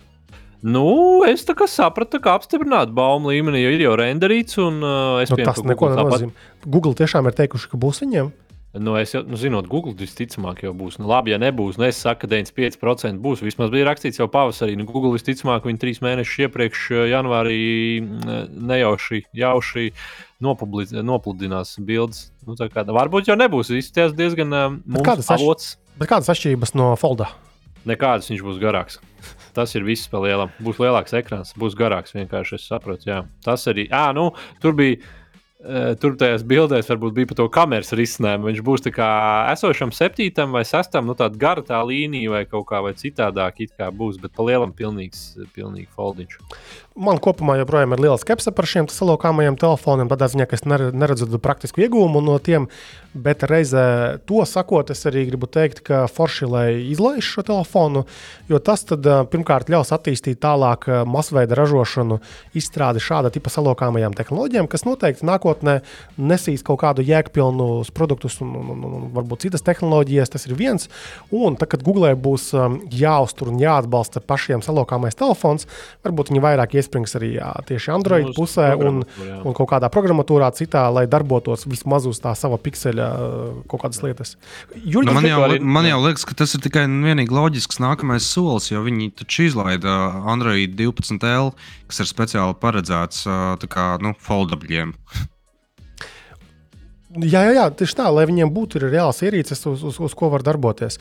Jo, Jurgi, atkal, tu esi tas cilvēks mūsu komandā, kas ir ar ilgtermiņā lietojis šos salokāmos telefonus. Nu, tu, tu, man liekas, esi tādā pozitīvākā noskaņojumā par šīm ierīcēm. Nu, es esmu pozitīvā no, noskaņojumā, jo, jo man kā gīkam patīk uh, viss jaunais, interesantais, neparastais. Bet uh, uh, ar to praktikumu tur ir tā, ka nu, kā lai pasakā, tur ir tās milzīgās problēmas ar uh, ekrānu proporcijām, kuras nevienmēr ir praktiskas. Uh, ja ārējais ekrāns ir tik, tik šaurs, ka tu uzrakstīt uh, SMS ir diezgan sarežģīti, tad iekšējais savukārt ir atkal tādā proporcijā, ka tu viņu aiztilpinot, uh, nu, vai nu tad tev vidīgs būs super uh, neproporcionāls, vai arī tu būsi zaudējis nu, milzīgus rāmjus un, un, un tam līdzīgi. Bet tā citādi man tā Idejiski ļoti patīk tā doma, ka es varētu savā kabatā ietilpināt tādu maziņu planšetīti. Un, un, un es domāju, ka vēl attīstoties, ka tas varētu būt kaut kas tomēr patīkams un labs. Okay, tas tiešām laiks rādīs, bet pavisam noteikti laiks nerādīs to, ko tu nedarīsi. Un, attiecīgi, mums ir jādara, jārada ierīces, mums ir jālieto, mums ir jātestē, mums ir jālauž galu galā, un tad tikai mēs varēsim pilnveidot kaut kādas arī lietas. Uh, labi, tad, uh, tad vēl tālāk, uh, pareizi Henrijs norādīja, uh, ka mums uz, uz līnijas gaida Omnivas pārstāvis. Pirms kādām dažām nedēļām es iedomājos, ka būtu rīktīgi forši aprunāties ar kādu no Omnivas, tādu no šī Latvijā labi zināmā, tautā mīlētā pakumātu tīkla kādu, kādu pārstāvi, un man tur bija pazīstami cilvēki, un visai ātri savada mūs kopā. Un tagad uh, mums uh, ir arī uh, sarunai pievienojies Edgars Isaks, uh, Omniva biznesa attīstības nodaļas vadītājs. Tad ar viņu uh, īsumā es gribētu iziet cauri arī kaut kādām tādām interesantām lietām, kas tad tajos uh, pakumātos lācītiem vēderā ir un kā vispār darbojas šāda tipa pakalpojumu sniedzējs. Slēdzamies klāt, klausamies. Šai sarunai ir pievienojies Edgars Īsaks, kas ir Omniva biznesa attīstības nodaļas vadītājs. Čau, Edgars! Čau, čau, čau Kristofers. Jā, milzīgs prieks, ka spēja rast laiku, jo pirms kādām pāris nedēļām es, es iedomājos, hei, taču gada nogale, visi sūta visu kaut ko, un jau Covid teiksim, pandēmijas pats sākums mums pierādīja, ka pakomāti ir nenormāli krūta štelle, un Omniva vismaz man, kuram pie mājas ir principā es skaitīju, ka seši dažādākie šie pakomāti Omniva joprojām ir mans mīļākais, jo vienkārši fenomenāli ātri. Tu vakarā ieliki paciņu, un uh, nākamajā dienas pirmajā pusē jau viņi ir grobiņā, piemēram. Kā jūs to vispār varat dabūt gatavu? Um, Edgars, tu esi sen Omnivā vispār kā tāds? Jā, tu runā ar vienu no pareizajiem cilvēkiem. Ja ir tā, ka es esmu Omnivā principā no pašiem pirmsākumiem. Oh. Pašiem pirmsākumiem no Omnivā, toreiz vēl ar citu nosaukumu, POS24 sāka savu darbību Latvijā 12. 2012. gadā. Eh, bet tas gads bija vairāk teiksim, tā, organizētība, birokrātija, pirmie pakomāti. Ja? Un tāda um, aktīva, praktiska darbība sākās 2013. gadā. Uh, un, jā, tad, tad es arī atnācu šeit 2013. gada martā. Ja nemaldos, um, toreiz birojā mēs bijām kaut kādi pieci darbinieki un kopā ar kurjeriem laikam mēs bijām 20 darbinieki. Tad nu, bija laikam gadījums, kad bija jābrauc, vai gadījumi jābrauc, pieņemsim, bija uz Daugaupili, jā, lai aizvestu vienu pacientu. Mm -hmm. Interesants laiks. Jā, bet nu, tu nevarēji nebraukt. Nu, vai kāds no kolēģiem tieši tā, tieši tā, tā. Bija, bija jābrauc. Jā, jā. jā labi. Patinām tagad uz priekšu šos desmit gadus, un tagad 2022. gada pašā nogalē. Kādi ir tādi interesanti fakti, statistika, ko tu mums vēlēsi pastāstīt par, par, par omnivā situāciju šobrīd? Jā, Tad uh, ir tā, ka, ja mēs runājam par Latviju, ja, tad, tad uh, pašreiz Latvijā principā, mums ir, nu, tūlīt būs ja, jau 360 pakomāti, ja, un tās, tas ir 133 apdzīvotās vietās. Ja, tur ir gan pilsētas, gan galvaspilsēta, gan, gan mazāki ciemi. Tad kopumā mums tīklā Latvijā ir 52,000 skāpīšu, aptuveni 52. Ja, Un, tu domā, tās atsevišķās šūniņas? Jā, jā, jā tās šūniņas atsevišķās, jā, tās ir 52,000 ja, pa visu wow. Latviju. Un tā šūniņas arī tā šūniņas sastāv no, no četru veidu skāpīšiem. XS, SML. Tā loģika ir diezgan vienkārša. Platums un dziļums ir vienāds. Atšķirās uh -huh. tikai šie augstumi arī no klienta perspektīvas, lai būtu nu, maksimāli vienkārši un saprotami. Ja? ja mēs runājam kopumā par šo šūniņu mm, popularitāti un kapacitāti, ja, tad aizvien populārāk un populārāk skāpīši ir tieši ML, eh, jo cilvēki aizvien vairāk un vairāk mēģina sūtīt kaut ko lielāku, un arī šī Covid tendence nu, arī to, to ļoti pierādīja. Līdz ar to šis ML sūtījumu īpatsvars, eh, īpatsvars pieaug, un eh, to tīklu mēs paplašinām tādos divos virzienos. Viens virziens ir jauna pakomāta, otrs virziens ir esošo pakomātu papildināšana. Jo katrs pakomāts ir modulārs, sastāv no šiem moduļiem, skāpīšu moduļiem. Tad nu, šogad uh, mums arī ir, ir, ir, ir, ir šī paplašināšanās, un liekam klāt tieši šos ML moduļus. Ja, un, un, ja mēs skatāmies, ja kopā tīklā mums būtu 360 pakomāti, tad vēl ap 200 esošiem pakomātiem no šiem 360 mēs uh, paplašinām. Šogad, ja pagājušajā gadā mums bija tāda lielākā pakomātu, jaunu pakomātu uzstādīšana, bija 92, nāca klāt šogad 60, tad šogad mums ir tieši lielākā esošo pakomātu paplašināšana. Mm -hmm. ja. Jums ir lielākais eh, pakomātu tīkls Latvijā nu, pret citiem konkurentiem salīdzinot? Jā, mums ir uh, lielākais pakomātu tīkls Latvijā un arī principā, lielākais pakomātu tīkls Baltijā, jo šie mūsu pakomāti ir sasaistīti Latvijā, Lietuvā, Igaunijā. Tas nozīmē, to, ka nosūtīt sūtījumu rīt, tu viņu saņemsi ne tikai grobiņā, bet pieņem, pieņemsim arī Tallinā, Kaunijā vai Nidā. Mhm. -huh. Labi, cik jums ir kurjeru? ja šāda informācija vispār izpaužama? Jā, nu kopā mums ir, es varu minēt to kopējo skaitu, darbinieku skai, skaitu. Jā, tas, tas, tas darbinieku skaits varē atkarībā no sezonas, atkarībā no tos noslodes. Jā, bet vidēji, laikam, tas, tas rekords ir bijis virs 300, pašais tas ir kaut kas ap 250. Kaut kas tāds. Protams, lielākā daļa, lielākā daļa sastāv šis frontline, ja, mūsu kurjeri, mūsu šķirotāji, kas nu, fiziski veic šo katras paciņas apstrādi un piegādi. Mm -hmm. Labi, bet kas vēl tāds ir? Kāda ir statistika? Ir, kāds ir tas vidējais piegādes laiks? Kādas, Jā. kādas metrikas vispār šajā biznesā vēl ir svarīgas? jā, ir tā, ka tā, nu, principā tā, tā, tā galvenā, galvenā, galvenais tā, tā mēraukla ir šis piegādes laiks. Ja? Piegādes laiks, pie kā mēs pieturamies visā Baltijā, ir D plus 1 mūsu valodā. Tas nozīmē to, ka šodien līdz noteiktam laikam uh, ieliec pakomatā vai iedot kurjeram, uh, nākamajā dienā pēc noteikta laika, ja šim sūtījumam būtu jābūt piegādātam. Ja? Mm. Protams, izaicinošāk ir teiksim, dažādās svētku sezonās, nu, mūsu gadījumā tas ir decembris. Ja? Tad šie piegādes laiki mēdz, mēdz varbūt palikt nedaudz garāki, bet nu, te arī te ir galvenais ir godīgi komunicēt ar klientu. Ja? Un, un, un, un jā, tad darīt teiksim, tā, visu kaut ko lietas labā no, no, no, no procesiem, lai šos sūtījumus piegādātu. Jo kā mēs savā slēngā un iekšēji runājam, nu, mēs neesam sūtījuma uzglabāšanas kompānija, mēs esam uh, sūtījuma piegādes kompānija. Tas ir tas galvenais. Otrs galvenais, um, viens no galvenajiem rādītājiem, mēs sekojam līdzi mēram šo uh, klientu apmierinātību, mūsu klientu apmierinātību, jo Tas varbūt arī, ja mēs skatāmies, salīdzinām, teiksim, tirgu, ja Igaunija, Latvija, Lietuva, ja, tad nu, mēs šeit Latvijā visvairāk fokusējamies arī uz šo, te, lai, lai klients ir, ir, ir apmierināts. Uh, mums ir ļoti augsts NPS, šis net promotion score, ja, ko mēs mēram, kad klients novērtē mūsu servisu pēc, pēc pakalpojumu saņemšanas. Ja, ja vidēji nozarē šis labais NPS ir ap 50%, tad mums tas turās 80 līdz 90% robežās. Uh, nu jau, es teiktu, jau vairākus gadus. Kas tā nosaka? Nu, pirmā loģiskā doma noteikti ir sūtījuma piegādes ātrums, kas, bet tas noteikti Precīzi. nav, nav, nav viss. Jā. Eh, nosaka, redzi, nosaka tā, nu, laikam tā, tā mm, attieksme un tā komunikācija ar klientu. Ja?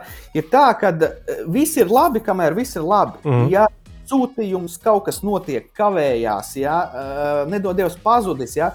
Tad, eh, nu, tad, tad parādās tā uzņēmuma īstā seja, kā mēs risinām tās problēmas, kā mēs komunicējam ar klientu. Ja, ja vidēji, ne tikai šajā nozarē, kopumā, nu, noteikti zini, aizsūti vai, vai, vai atgriezt, nu, tur 30 dienu laikā izskatīsim. Ja?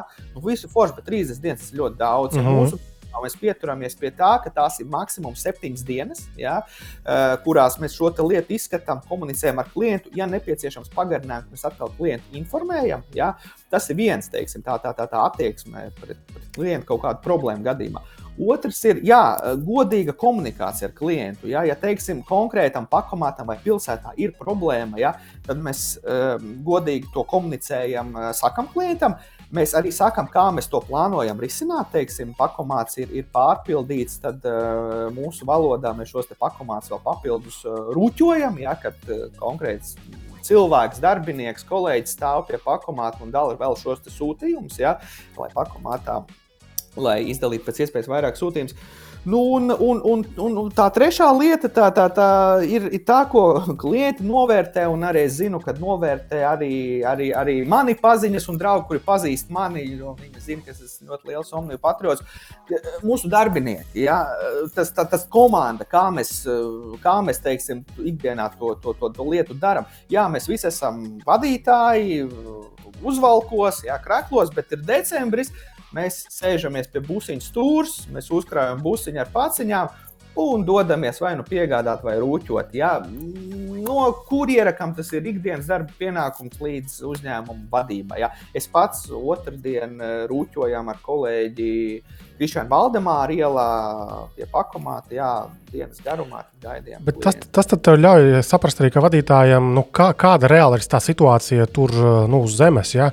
Jā, tieši tā. Kādi precīzi. jautājumi, ko, kā cilvēki vispār nezinu, skatās, kādus skatienus raida tavā virzienā? Precīzi, tas ļauj saprast, ko tas ļauj saprast pašu pakomāta tehnoloģiju. Mm. Tu, tu to jau zini, bet pats lietojot, gan ielogojoties kā kurjeris, gan palīdzot klientam, ah, klausies, šitais. Šitien kaut kas pietrūkst, šitien vajadzētu, tas, tas tev ģenerē. Ja? Otrs ir tīri tā miedarbība un komunikācija ar klientu. Kas patīk, kas nepatīk. Ja?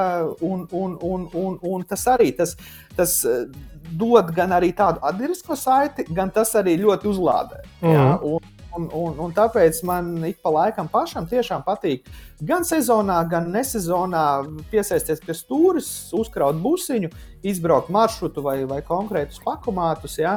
Un, un, lai arī man tas nereti iet grūtāk un ilgāk, teiksim, nu, ja čaļi brauc, izbrauc astoņos, atgriežas piecos, man nereti tas ir izbraucis astu. Es esmu pirmais, uzkraujos jau es varbūt nezinu, tur septiņos, jā, bet es atbraucu deviņos vakarā, bet tāpat tās tu esi pilns enerģija ar kaut kādām jaunām domām, idejām.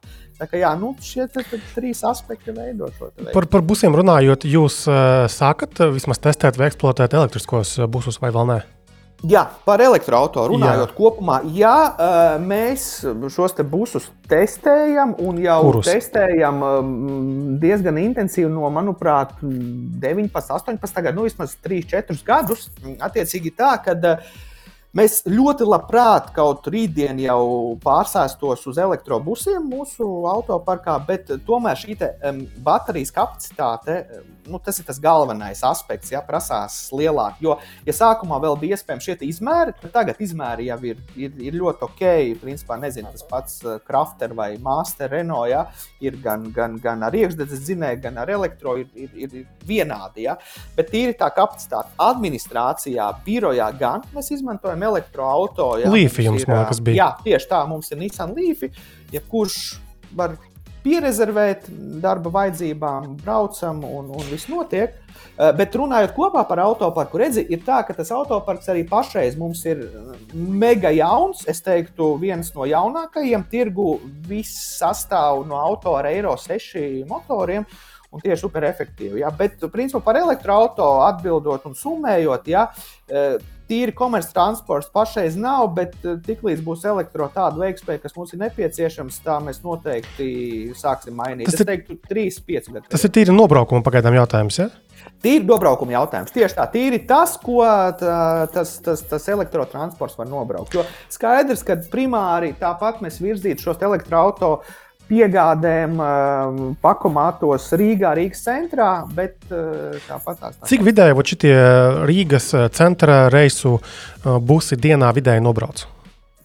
Labs jautājums. Uh, vidēji tie ir kaut kādi, kaut kādi, kaut kādi 100, 200 km. Godīgi sakot, es pašais improvizēju, jo šo jautājumu es nenočekoju okay. no loģistikas kolēģiem. Ja? Bet ir tā, ka uh, cik mēs testējām, ja, attiecīgi. A, kurus jūs tieši testējāt? E-krafteru? Mēs esam testējuši e-krafteru, uh, mēs esam testējuši, kas ir no pēdējiem bijis. Manuprāt, kaut kas no itāļiem, kaut kas fiats bija, kaut, Laikam, kaut, jā, kaut kas tāds. Jā. Laikam, jā, e-krafters un, un no pēdējiem bija tas, tas fiets, ko mēs testējām. Un tāpat tās ir tā, ka nu, tu nevari līdz galam to maršrutu izbraukt. Jā, tad ir, ir, ir, ir tā, ka kaut kur, kaut kur ir, ir jālādējas. Un arī varbūt, jā, ja salīdzinām ar 19. gada uzlādes uh, kapacitāti un to stāciju skaits arī Rīgā ir, ir, ir diezgan ievērojami audzis. Jā, jo, teiksim, arī 19. gadā mēs saskārāmies ar to, ka tās uzlādes stācijas bija maz un daļa no tām bija Rīgas centrā, pazemes stāvvietā, kur tāds būtu nevar iebraukt. Tieši jā? tā, jā. Uh, jā, bet, bet, bet pašais tas ir atrisināts, bet tāpat tās, nu, tas ir laiks, laiks, mm -hmm. laiks. Līdz ar to arī jā, nu, nu, nu, tad, tad, tad pašreiz ir tā, ka mēs izlīdzamies ar elektrotikai administrāciju. Bet, nu, labi, ka jūs eh, testējat, nu, labi, ka tu pats minēji, ka dažu gadu laikā tas nu, vienkārši jā, jāsagaida. Ja mēs paskatāmies, piemēram, arī nezinu, 3, 5 gadus atpakaļ arī uh, vieglo uh, elektroautorātu jomā, nu, tur bija pavisam cita bilde. Bija tie pirmā pauģu līfi, kas varēja nobraukt 100 km, bet tagad paskatieties, tur elektroautorātu var no, iegādāties. Kas nobrauks arī visus 400 km normālos. Tāpēc precīzi. tas viss tikai laika jautājums. Labi, man ir jautājums par, par tiem pakomātiem. Um, cik tehnoloģiski avansēti vispār šie pakomāti ir un kas par maģiju iekšā dzīvo šajos kastēs? Kas lācīti mēģina? Jā, jā.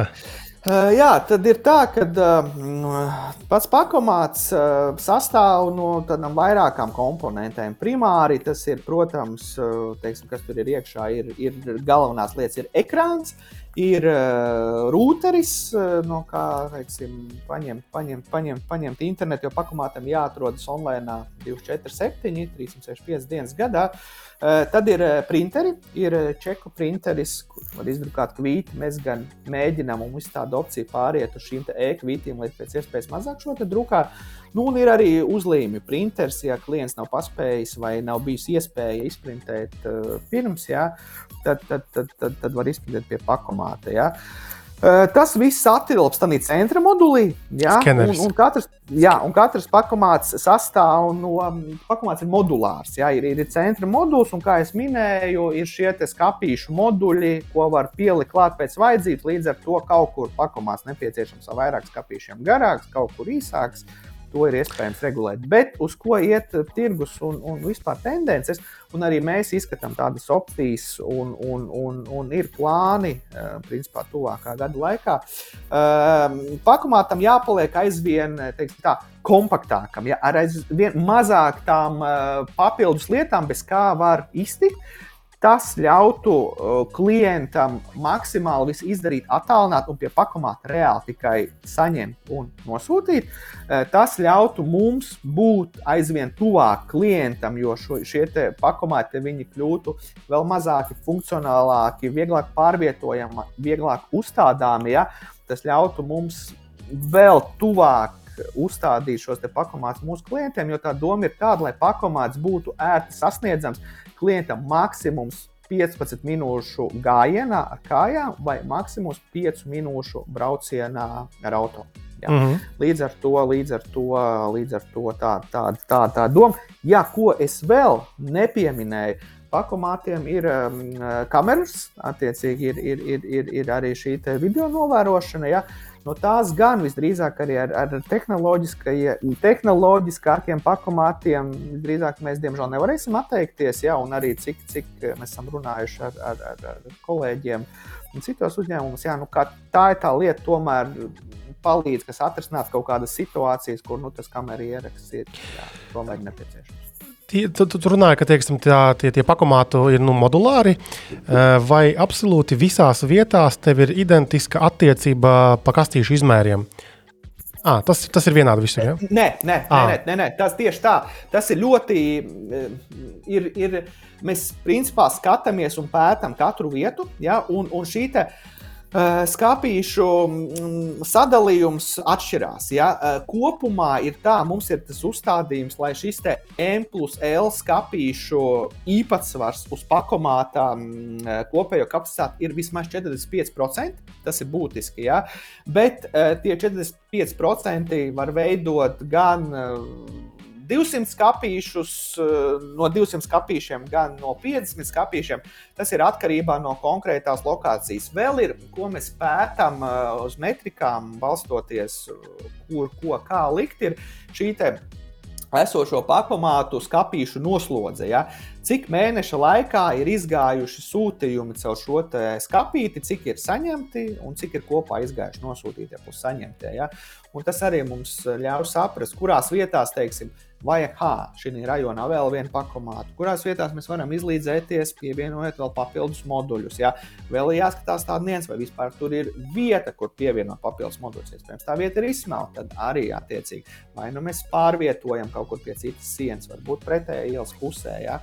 Tur arī ir dažādas nianses. Mm -hmm. Ok, uh, labi. Um, esmu pamanījis, ka teiksim, citiem konkurējošiem uzņēmumiem, tiem pakomātiem mēdz būt šausmīgi saules apstākļos nenolasāmi displeji. Ja? Jā. Nesauksim varbūt vārdos, bet uh, kaut gan nē, DPD. Man blakus stāv DPD, viņiem ir tāds mazāks displejs un saulē vispār neredz. Es pieņemu, ka jūs pievēršat uzmanību arī šādām niansēm. Pirmkārt, jums ir milzīgs tas displejs. Un tur arī teiksim, tā saskarne viss ir liekas, ļoti gudri veidota, un lai viņa būtu ērta un saskatāma dažādos Jā. apstākļos. Uh, jāatzīst, godīgi arī mēs ar to saskaramies. Mums ir konkrēts lokācijas, kur ar to ir problēmas. Kā viena no tām var minēt arī piemēri ir Kalnsiem ielā, ir Rīgā, un tur ir mūsu pakomāts. Ja? Un tur tā saule ir, jā, tur ir, tur ir ļoti traki. Mēdz būt vasarās, bet kā reiz mēs tagad esam pakomāti pārvietojuši. Ceru, ka būs labāk tīri dēļ šīs kapacitātes arī, ka pielikām klāt papildus moduļus. Ja? Ir tāda problēma, un tā to problēmu ir, jā, nu, diemžēl vienīgais risinājums dotajā momentā ir likt tiešām kaut kādu saules sargus, ja, kaut, kaut ko tādu. Ja. Bet atkal, ja mēs runājam par tuvāko nākotni un šiem nākamā līmeņa modeļa pakomātiem, mēs viņus. Mēs to saucam arī daļai tā, par bezekrāna, mazāk komponentu, un tas arī palīdzētu atrisināt, kad tīri praktiski šim pakomātam šī ekrāna vai nu nebūtu, vai tas būtu teiksim, mazāks vai kaut kādā leņķī. Ja? Līdz ar to šī saules iedarbība nu, netik ļoti. Netik ļoti traucētu. Ja, ja aparātam nav, ja pakomātam nav displeja, tas nozīmē, ka to visa loģika jāpārnes uz vai nu īsiņām, vai patiesībā mobila lietotni vai web. Jā, Precīzi ir eh, nu, mobilā lietotne, izziņas, eh, eh, webs. Ja? Jā. Kāpēc nevar vai nu tikai teiksim, tā mobilā lietotne. Ja? Tas ne visiem jo, cilvēkiem ir. Jā, mhm. precīzi. Ir, ir dažādi gada gājumi cilvēki, ir tehnoloģiskāki, ne tik tehnoloģiski, ja? un, un, un ir nu, jādomā par katru klientu. Tāpēc, jā, tāpēc, tāpēc tā. Bet, bet es teiktu, jā, ka tā, tā ir nākotne, kā es minēju, kad lai pie pakomāta pavadīt pēc iespējas mazāk laika, saņemt, nosūtīt. Iespējams, to var darīt paralēli, vairāk klientu. Iespējams, to var darīt klienti kopā ar kuriem kurjers apkalpo piepildu, klients izņem. Ja? Jo pašreiz ir tā, ka jāpagaida. tikai mums ir jāpagaida, jā, precīzi. Tā, tālāk. Um, labi, tad uh, par šo te ah, par internetu. Tur ir uh, vada internets kaut kāds ienāktajos aparātos, vai tas ir tikai un vienīgi mobilai interneti vienmēr? Tas ir mobilais internets, tas ir mobilais internets, un, un katrā pakomātā ir routers ar, ar simkarti. Uh, Un, un, jā, tas, tas darbojas uz tādu principu. Līdz ar to mums arī ir svarīgi šie sakari un šī te, teiksim, signāla noturība. Jā. Tam mēs arī ļoti, ļoti, ļoti sekojam līdzi. Lai, A, pietiek lai, ar vienu provideru, ja tur nav nekāda mēģinājuma. Pietiek ar vienu provideru, jā, jo mums arī no, no metrikām tīri mums iekšēji mēs mēram tā saucamos pakomāta sirdspūkstus. Mm -hmm. Cik uh, ilgi ir bijis nosacīti iespējams downtime, ja šis laiks, kad pakomāts ir bijis offline. Jā, teiksim, nezinu, konkrēta laika perioda. Nu, jums pateicīgi, man liekas, tas, ka jūs tomēr cilvēki, nu, teiksim, vietās, kur daudz cilvēku apgrozās, tur pilsētās, ciematu centros, tur arī tas mobilais internets ir kaut kādā mērā. Man iepriekšējā dzīvē ir gadījies apkalpot. Um, dažos noteiktos benzīna tankos šos te, nu, termināļus karšu. Jā. Un, un benzīna tankiem gan mēdz būt vietās, kur ar to internetu ir čābīgi. Man vienmēr besīja tās vietas, kur nav normāla interneta, kur tev jāmēģina izlīdzēties ar šo mobilo internetu. Dažkārt kaut kas tur aiziet ciet, tad sēdies mašīnā, brauc uz to Igauniju, piemēram, norastēt to rūteri, piemēram. Jā, mums ir, jā, ir, ir, ir, ir tādā ziņā tev taisnība, bet eh, regulāri to čekojot, pārbaudot, jā, mēs arī ar mūsu sadarbības partneri strādājam pie šīs signāla noturības nepieciešams gadījumā pastiprināšanas, jā, gan ar uh, dažādām papildus teiksim, antenām, ja tas ir nepieciešams, dažādiem pastiprinātājiem, gan no mūsu, gan no šī operatora puses. Ja. Nu, tu biji minējis arī par tiem restartiem. Jā, nu arī nu, daudzas lietas, lielāko daļu lietu mēs varam izdarīt attālināti. Nu, protams, atkal, ja tur ir tas, tas, tas internets, jā, mm. mēs varam norastēt gan kopumā pakomāt, gan arī atsevišķi tā komponentes. Jā. Bet, bet, bet jā, tā signāla noturība ir ļoti svarīga. Ar to mēs saskaramies noteikti mazāk, bet arī nu, mums ir pakomāti, kā jau no kolka līdz zilupē. Ir, ir, ir kolkā, ir, ir zilupē, jā, tas, tas noteikti arī būs vietējais veikals, kas ir centrā, jā, bet tās, tas parāds būs vienā vai otrā Latvijas malā. Jā, labi. Tad eh, par drošību tu kā jau iesāki runāt par tām kamerām, jo tiešām kameras ir. Visi, visiem pilnīgi pakomātiem ir vai? Jā, pilnīgi visiem pakomātiem. Un atkarībā no pakomāta izmēra, tās kameras arī var būt no divām līdz četrām, pat sešām, lai ir uh, viss nosacīts. Lai ir viss nosacīts. Es, es mēdījos neesmu baigi bieži dzirdējis uh, un lasījis rakstus, ka būtu tur mēģināti uzlauzt šie pakomāti. Tad, tad jautājums ir palielam tāds, vai nu šādu gadījumu ir diezgan reti, vai arī jūs tomēr kaut kā mākat noklusināt šādus gadījumus? Kā ir? Uh, ir tā, ka, jā, nu, ja tādi gadījumi ir, arī mēs neklusējam, bet, nu, ir godīgi, jā, ir, bijuši, ir bijuši tādi gadījumi. Ir tā, ka pašreiz laikam tomēr nu, tie, tie, tie cilvēki, kas to dara, ir sapratuši, ka no tā baigās jēgas nav. Bija tāds, tāds, tāds lēciens, tāds gājiens šim te 21. E, gadā. Mēs pat par dažiem gadījumiem komunicējām ar sabiedrību, iespējams, atpazīt. Ja? Bet, nu, manā izpratnē, tas, kurš mēģina apzakt pakomātu, ja? nu, tas gājiens nav īsti gudrs. Tas ir tāds laimes spēle. Ja? Ir kameras, sūtījumi ir apdrošināti. Ja? Uh, nu, Iespējams, tu vari kaut ko, teiksim, jā, klētu dabūt. Vērtīgu izcelt, jā, bet nu, pārsvarā tas ir, nezinu, tas ir AliExpress sūtījums, vai, vai tas ir zeķu bikses kādam, vai zeķes, jā. Nu, tādā veidā, plus arī no drošības viedokļa skatoties, iespējams izskatās, ka tur jau salīdzinoši vienkārši mehānisms, kaut kas līdzīgs. Tur nevar ar lauznīti aizāķēt. Tur nav kur aizāķēt, man liekas, īsti. Nav kur aizāķēt viens, otrs tas mehānisms nemaz nav tik vienkāršs. Un, un, un, um, Nu, ar to lauznīti, jā, tur nav iespējams, varbūt kaut ko paliek, bet reāli tas nedod pilnīgi nekādu pievienoto vērtību. Tur tiešām ir ir, ir, ir, ir, ir, ir jāpiestrādā. Teiksim, tā ir fleksi nu, kaut kāda jāņem. Ne? Jā, jā nu, kamēr tu piestrādās, tas ir laiks, tas ir, tas ir uh, skaņas. Un, un, un, jā, nu, es teiktu, tā, iespējams, tas ieguldījums finansiālais, pat kas tur jāvēlta, lai to pakomātu vai skāpītu uzlaustu, nu, atsver to finansiālo ieguldījumu, ko tu potenciāli vari izcelt. Jā. Mm -hmm. Okay, tad, tad bērni nelauziet pakomātus. Lielas jēgas Jā. no tā nav problēmas. Gan. Jo tās ir metāla kastes, tur arī trokšņi būs baigi daudz. Un, uh, nu, palielam ātri atskries, kāds pajautā, hei, kas notiek. Jā, precīzi. Jā, labi. Um, Tad, kā, kā jūs saprotat, kurā vietā vajag paplašināt uh, šos pakomātus? Tur, kur ir rindas sāk veidoties, laikam, ja? Jā, tas ir labs jautājums. Ir, ir, ir tā, ka uh, principā arī tam mēs sekojam līdz šiem overflowiem, saucamajiem, jā, cik daudz kāda sūtījuma izmēri ir, ir, ir, ir izgājuši cauri jā, konkrētam pakomātam. Bet uh, nu, jā, noslogotākie pakomāti, teiksim, piemēram, nu, tā ir Rīga pierīga viennozīmīgi. Jā, Bērnu pasaulē. Jā, top pakomāti, kas ir gadiem. Jā, ir bērnu pasaule, ir eh, Briānija Rīgā, ir eh, Jūrmalā Kauguru Rimī, jā, Kauguros. Ir eh, šīs lielupes Rimī, iebraucot no, no Rīgas. Jā. Līdz ar to, jā, tad, tad, tad nu, šajos milžos, jā, tur nu, mēs vairs nepaplašinām. Pirmkārt, kurjeram paliek problemātiski apkalpot, otrkārt, klientam problemātiski saņemt, ja tur ir 10 plus metri. Jā. Mm. Tad šādos gadījumos mēs meklējam.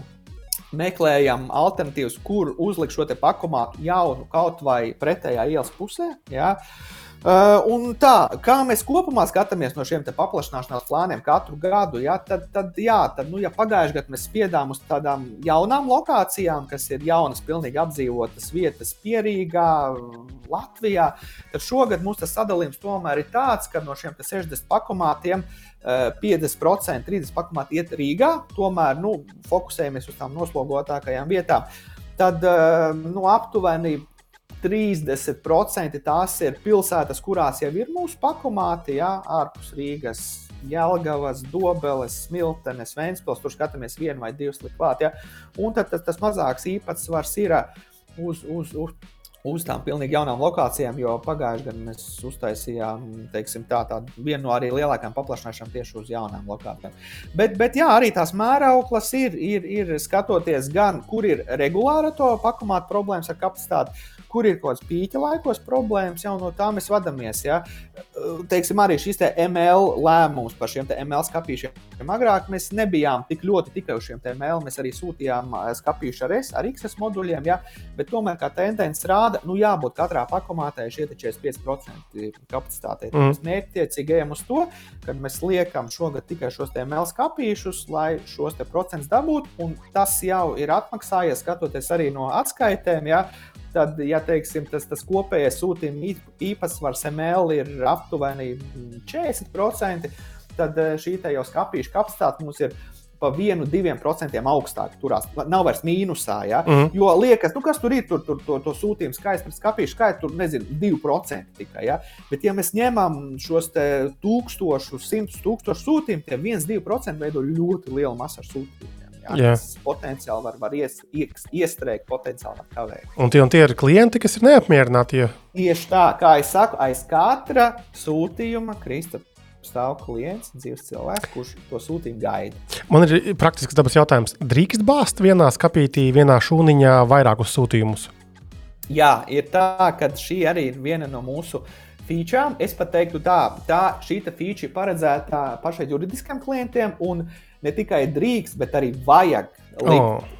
Jā, tādā veidā viņiem ir paredzēta iespēja, ka nu, nosūtot no pakomā, tu vari, ja fiziski ir iespēja salikt šo sūtījumu vienā skapītī. Uh, privātiem klientiem mēs pašai pie tā strādājam, bet kas ir vēl ļoti viena forša, krūta feature, kas mums ir, ja tu gaidi, teiksim, nezinu, trīs sūtījumus uz pakomātu, agrāk bija tā, katrs sūtījums savā skapītī. Mm. Tagad kurjeris saliek visus sūtījumus vienā skāpītī, forši ar vienu teiksim, tā skāpīšu atvērienu, tu dabū visus savus sūtījumus vienopus. Ja nav vairs jā, jālavierēs ar skāpīšiem. Un šī feature, es pat teiktu, jā, nu, gan nosūtīšana, gan saņemšana.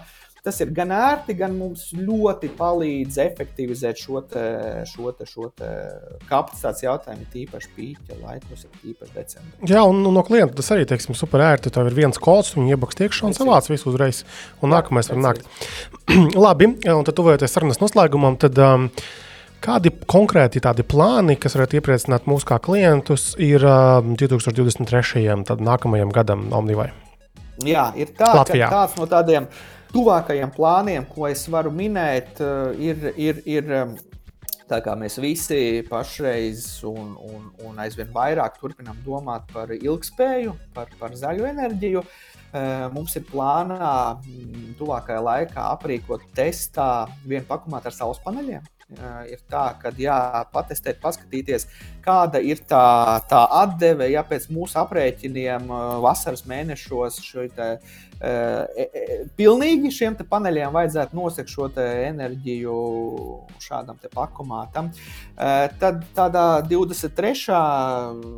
gada griezumā, ja, kā jau minēju, tas pavisam noteikti ir jaunā, nākamā līmeņa pakomāts, kas būtu vēl funkcionālāks, vēl ērtāks eh, klientiem, kur varētu vēl ātrāk saņemt nosūtīt sūtījumus. Kopā ar, ar, ar, ar, ar eh, ērtu funkcionalitāti, vai tā būtu aplikācija, vai tas būtu šis mm, web risinājums, ko ērti lietot tālrunī. Jā, tad, jo, nu, tas, tas, tas, jā, tas, tas, tas kopumā, lai nu, tas galvenais izaicinājums ir nokļūt aizvien tuvāk un tuvāk pie mūsu klienta, jā, lai, lai, lai tas pakomāts ir aizvien tuvāk. Jā.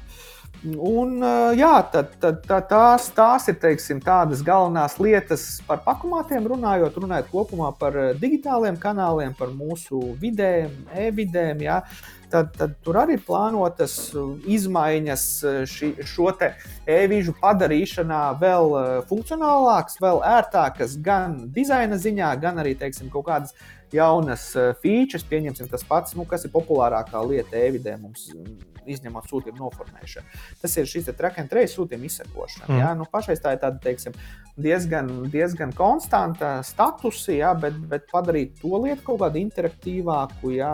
lai, lai, lai, lai klientam ir ērtāk sekot līdzi un, un varbūt kaut kādos posmos tas varētu būt arī nu, tādā teiksim, interaktīvā režīmā. Ja. Tā kā plāni ir daudz dažādos virzienos, ja, jo lai arī mums uh, ir lielākā tirgus daļa, lai mēs esam mīlētākais zīmols, eh, pateicoties mūsu klientiem, ja, bet nevar sēdēt uz lauriem. Uh mhm. -huh. Jāturpina attīstība, ir, ir jā, jādomā jaunas lietas, ja, jo, nu, kā mēs sakām, pakomās ir ideāli, ka viss piemēros mūsu mentalitātei. Ja, nu, ideāli piemērots. Nav jātiekas ar cilvēkiem. Jā, Precīzi, jā. Ja iespējams, kaut kur Francijā tas baigi nestrādā. Ja tur cilvēks grib parunāties ar otru, saņemot sūtījumus, tad ziedu bodītē, ja, tad mums atnācu, saņēmu, aizgāju. Paldies! Ideāli! Okay. Jā, tad uh, paldies Edgars, uh, Isakam, Omniva biznesa attīstības nodaļas vadītājam par šo, manuprāt, ļoti interesanto sarunu, kurā mēs arī ielūkoties, uh, kā darbojas šie pakomāti Omniva kopumā kā tāda. Tad novēlu no, mu, no mūsu puses izdošanos un pats galvenais - nezaudējiet to ciešo saikni ar saviem klientiem, jo klienti galu galā ir tie, kas jums nodrošina biznesu. Tā kā jā, paldies, Edgars! Precīzi, Krista, paldies tev liels, paldies, ka paaicināji. Super! Paldies.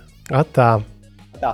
Jā, tad vēlreiz milzīgs paldies Edgars. Man bija ļoti interesanta saruna. Un, uh, nākamreiz, kad mēs dosimies uz, uz pakomātu vai nomnivais vai kādu citu uzmanīgi papētam, kā tur viss darbojas, kāda izpleja, kā uh, šie pakomāti lieli, mazi, kā viņi varbūt laika gaitā mainās. Jo tagad tu zini vairāk, kāds varbūt tas domu gājiens ir uh, šāda tipa uzņēmumu uh, cilvēkiem pārstāvjiem. Tā kā tā. Atpakaļ pie, pie mūsu tehnoloģiskiem kaut kādiem jaunumiem, aktualitātēm. Elektroauto tēma. Tātad, jā, mēs iesākām jau stāstu par, par tām benzīna cenām lētajām, bet elektromašīnas jau arī ir kaut kas tāds, kas arvien vairāk sāk parādīties mūsu ikdienā. Un te bija tāda interesanta ziņa arī šajā nedēļā, ka Eleports, tātad tas ir tāds uzlādes tīkls, kas nu, jau arvien jūtamāks sāk parādīties un, un, un, un izplēsties arī Latvijā. Tad Eloport ir uzstādījis sešas elektroautorādes uh, stacijas, ja pieslēgumus tirdzniecības centrā Domina Shopping. Tātad tas ir Rīgā. Un sešas stacijas tātad ir, ir viena ultrātrā 150 kW. Tad ir 50 kW un uh, 422 kW mainstrāvas, jeb lēnās uzlādes stācijas. Tātad šeit pozitīvā ziņa ir tāda, ka ir daudz šo te, uzlādes iespēju, kā arī vairāk, te, vairākas mašīnas, teiksim, vienlaicīgi arī var uzlādēties. Tas, man liekas, ir tāda laba ziņa. Tā kā Teleports, Malači. Es tikai domāju, kāpēc nu. viņi man sūtīja. es neesmu par kur pieteicies nekad, bet tas bija interesanti. Visiem man arī nāk tā preses relīze. Es domāju, ka mm, Kārls visi, visi. varētu būt neuzvainīgs. jā, bet redz, to arī zināt. Bet lai jau bizīts izdodas, jā. Jā, uh, vēl, vēl teiksim, par elektrotēmu runājot, Tesla ir paziņojusi, ka, ka viņiem tādā beta versijā ir uh, Model S un Model X elektriskajās mašīnās. Ir uh, Steam. Tātad Steam ir šī platforma, video spēļu platforma, un nav nekāds noslēpums, ka uh, mašīnās, jaunās mašīnās, un konkrēti Tesla mašīnās ir ļoti jaudīgi dzelži, jo galu galā šie dzelži ļauj atpazīt caur kamerām pasauli apkārt un nodrošināt pēdiņās autopilotu. Un šeit var izmantot arī šo lielo jaudu, lai vienkārši spēlētu video spēles. Nu, Steam ir Jā, lielākā citu, platforma. Ja var piemest tieši MKBHD, gan jau tie, kas seko, zina, arī mans favorīts bija ielicis tieši nesen video, kā viņš brauc ar autopilotu Amerikā. Nu, viņš tad nodemonstrē realitātei, ko tas nozīmē. Un, nu, Jāatzīst, ka nav, nav slikti. Varbūt nav tas, ko mēs Eiropā varam dabūt, bet Amerikā tur ir tāds plašāks ieskats, kā tas varētu izskatīties. Jā, viņš tur pastāstu. Un, un, un, un par to Steam bija interesanti arī tajā avotā bija labs salīdzinājums. Teiksim, Tesla pret Place, pret Xbox Series X, Series S. Tur tā smieklīgi salīdzinājums. Tur cena, piemēram, cik ātri, ātrums kāds ir, tad uh, Tesla bija nu, 300 km/h. Nu, tur tā, tā, tā ir humora. Bet vispār jāatzīst, ka nu, tur nav precīzi informācija, bet viņš ir nedaudz tikai krietni. Nu, nu, Kā saka, nedaudz švakāks par Playstation 5 un Xbox Series X jaudīgākajām konsolēm, vismaz, vismaz grafiskās jaudas ziņā. Tā kā diezgan iespaidīgi. Nu, tur kaut kāda kontroliera gan jau var pieslēgt. Nu, citādā un, jā, var pieslēgt visus arī jaunos kontrolierus, kas ir. Jā, tā tādā ziņā izstāsta, ka tas rāmbāšanas variants diezgan um, pateicīgs, bet nu, cik tas praksē? Nu, nu kā, nu, tad, kad tu lādēsies, vai, vai Rīgas gadījumā, nu, okay, tad, jā. kad tu gaidē, gaidīsi rindā pie Akropoles, Rīgas, uh, kamēr uzlādēsies šie koplietošanas mašīnas, tev priekšā piecas uh, OX drive tad var, var noderēt tev tomēr šī lieta. Galu galā BMW jau arī mēs pirms liekas, daudzām epizodēm stāstījām, ka, ka BMW arī ir vai nu sadarbību uzsāks, vai ir nopirkuši kompāniju, kas tieši uh, taisīs spēlītes uh, priekš šīm multimediju sistēmām arī viņu elektromašīnām. Tā kā tā būs tēma. Tas, es ko... tikai aizdomājos, vai mums Latvijā vispār ir jaunās uh, sērijas modeļi, sērijas S un sērijas X. Uh, šeit ir jāpiezīmē tas, ka beidzot Tesla atsāk Eiropā tirgot modeli S un modeli Jā. X. Jo tā bija vēl viena ziņa, ja, ka pēc divu gadu pauzes, eh, kad viņi koncentrējās uz modeli Y uh, un modeli 3 mm, Eiropā, tagad beidzot viņi atkal atsāk tirgot. Nu, gan jau ražot kaut kur arī priekš Eiropas eh, šos modeli S un modeli X. Viens ir flagmanis, otrs ir S, ir nu, tas lielais sedans, kas arī ir. Nu, tad es pieņemu, ka mums nav nemaz tās jaunās vēl. Nav redzētas nekur. Jā. Latvijā mm -hmm. tiešām ir trīnieku daudz. Nu, kā, jā, tie gan parādās. Ne tikai nomas, bet arī tīri privāti. Nu, privātiem, jā. jā. jā, jā. Uh, labi, tad tālāk, Jurģī, kas mums ir? Es redzu, ka bija izziņots uh, Xiaomi 13. sērija. Uh, kas tas, tas ir interesanti, tas nav interesanti. Ko mums sagaidīt no šiem telefoniem? Manuprāt, tieši 13. sērija ir interesanta, jo, nu, manuprāt, Xiaomi ir nogājis tādu ceļu un salicis visu pa plauktiņiem tā, lai varētu mierīgi uh, veikalos gozēties blakus Samsung flagmaņiem un citiem lieliem ražotājiem.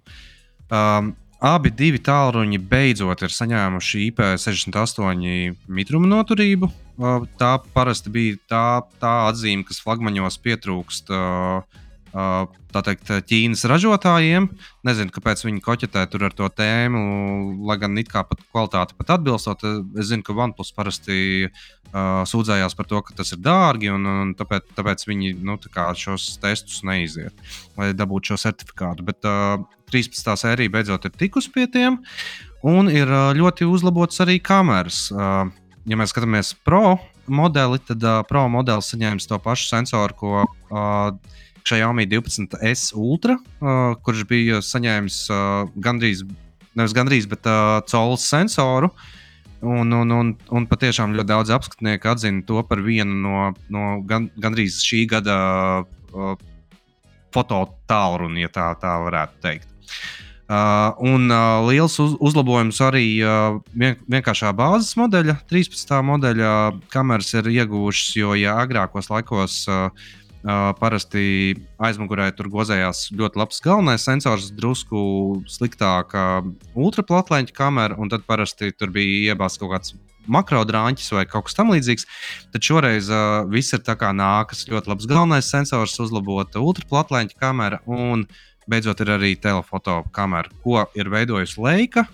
Uh, Leika izmanto tā saucamo floating lens uh, tehniku, kas ir atrodama arī Leikas kamerās. Uh, kas nozīmē, ka uh, ir uh, kustīgs uh, elements, kurš ļauj fokusēties gan uh, līdz bezgalībai, gan arī uh, ļoti, ļoti tuviem objektiem. Tā teikt, lai tu varētu fotografēt makro bildes, tu vari fokusēties uh, līdz 10 centimetriem. Lai gan makro bildēm parasti, manuprāt, ir aptuveni jābūt 4 centimetriem. Mm. Bet vienalga, man liekas, tas, tas varētu būt ļoti labs rezultāts. Cenas pieejamība. Par cenām pieejamību šobrīd neko teikt nevar, jo uh, produkts ir izlaists tikai un vienīgi Ķīnā, un globālā brīvlaišana vēl ir jāsagaida. Mhm, -huh, bet, jebkurā gadījumā, es domāju, ka tie būs noteikti. Tur vairāki telefoni būs. Ja? Nu, pagaidām ir divi. Ir uh, parastais Xiaomi 13 un Xiaomi 13 Pro. Un tad pēc tam gada, gada gaitā parasti tur uzrādās uh, 13 Lite, vai arī gada beigās, kā, kā tikko notestējām, droši vien būs 13 T. Mm. Nu, jebkurā gadījumā es domāju, ka mēs testēsim, eh, kad būs pieejami šie telefoni. Nu, jo mums jau ir pieredze arī ar iepriekšējo paudžu telefoniem. Um, Henrij, uh, es skatos, ka tu esi vēl iekļāvis arī tēmu par tavu uh, aizokeāna draugu MKBHD, uh, par to kameru aklo testu. Tad, kas tur notiek? Uh. Tu iekļāvi Vans, bet uh, labi, labi. Uh, à, viņš pareiz. katru gadu taisa uh, to te uh, šo te nu, bilžu salīdzināšanu. Es pieņemu, ka arī citi ir pārņēmuši no viņa. Un, nu, ja katru gadu tas bija. Nu, viņš vienkārši kaut kā randomā sadala no 16 bildēm, un katru kārtu Twitterī, man liekas, un Instagramā varēja balsot. Uh, tad šogad ja es pareizi saprotu, man vēl nesnāca pieregistrēties, bet uh, es apskatījos, man liekas, ka viņam tagad būs tas princips, ka viņš salīdzina divas bildes, un viņš katru visu laiku dod uh, 16, nu, visas tās 16 iziet vienā kārtā cauri. Līdz ar to katru pārtu atrod to spēcīgāko un tādā veidā veidojot rezultātu. Tu nezini, ar ko ir sabildēts pareizi, tā kā tu skaties tās bildes. Nē, tu nekad nezini, kas sabildēts, bet tur jau katrs gads varēja, es jau varu bijis pēc tam viņš analizēja tos patērnus, un tu jau bišķiņi redzi, viņš, piemēram, vienmēr liek uz ādas krāsu, jo ir kaut kādi iPhone vai kas ļoti spilgtu, tā kā padara tumšinātu, tad, nu, vienmēr varēja kaut kāds elements, jo viņi ļoti vienmēr liek sarkano krāsu vai spilgtas bildes, kas, nu, uh, nu tā kā arī kamerā liek strādāt. Un viņi neko nemaina, vienkārši uzliek autofokus un viss.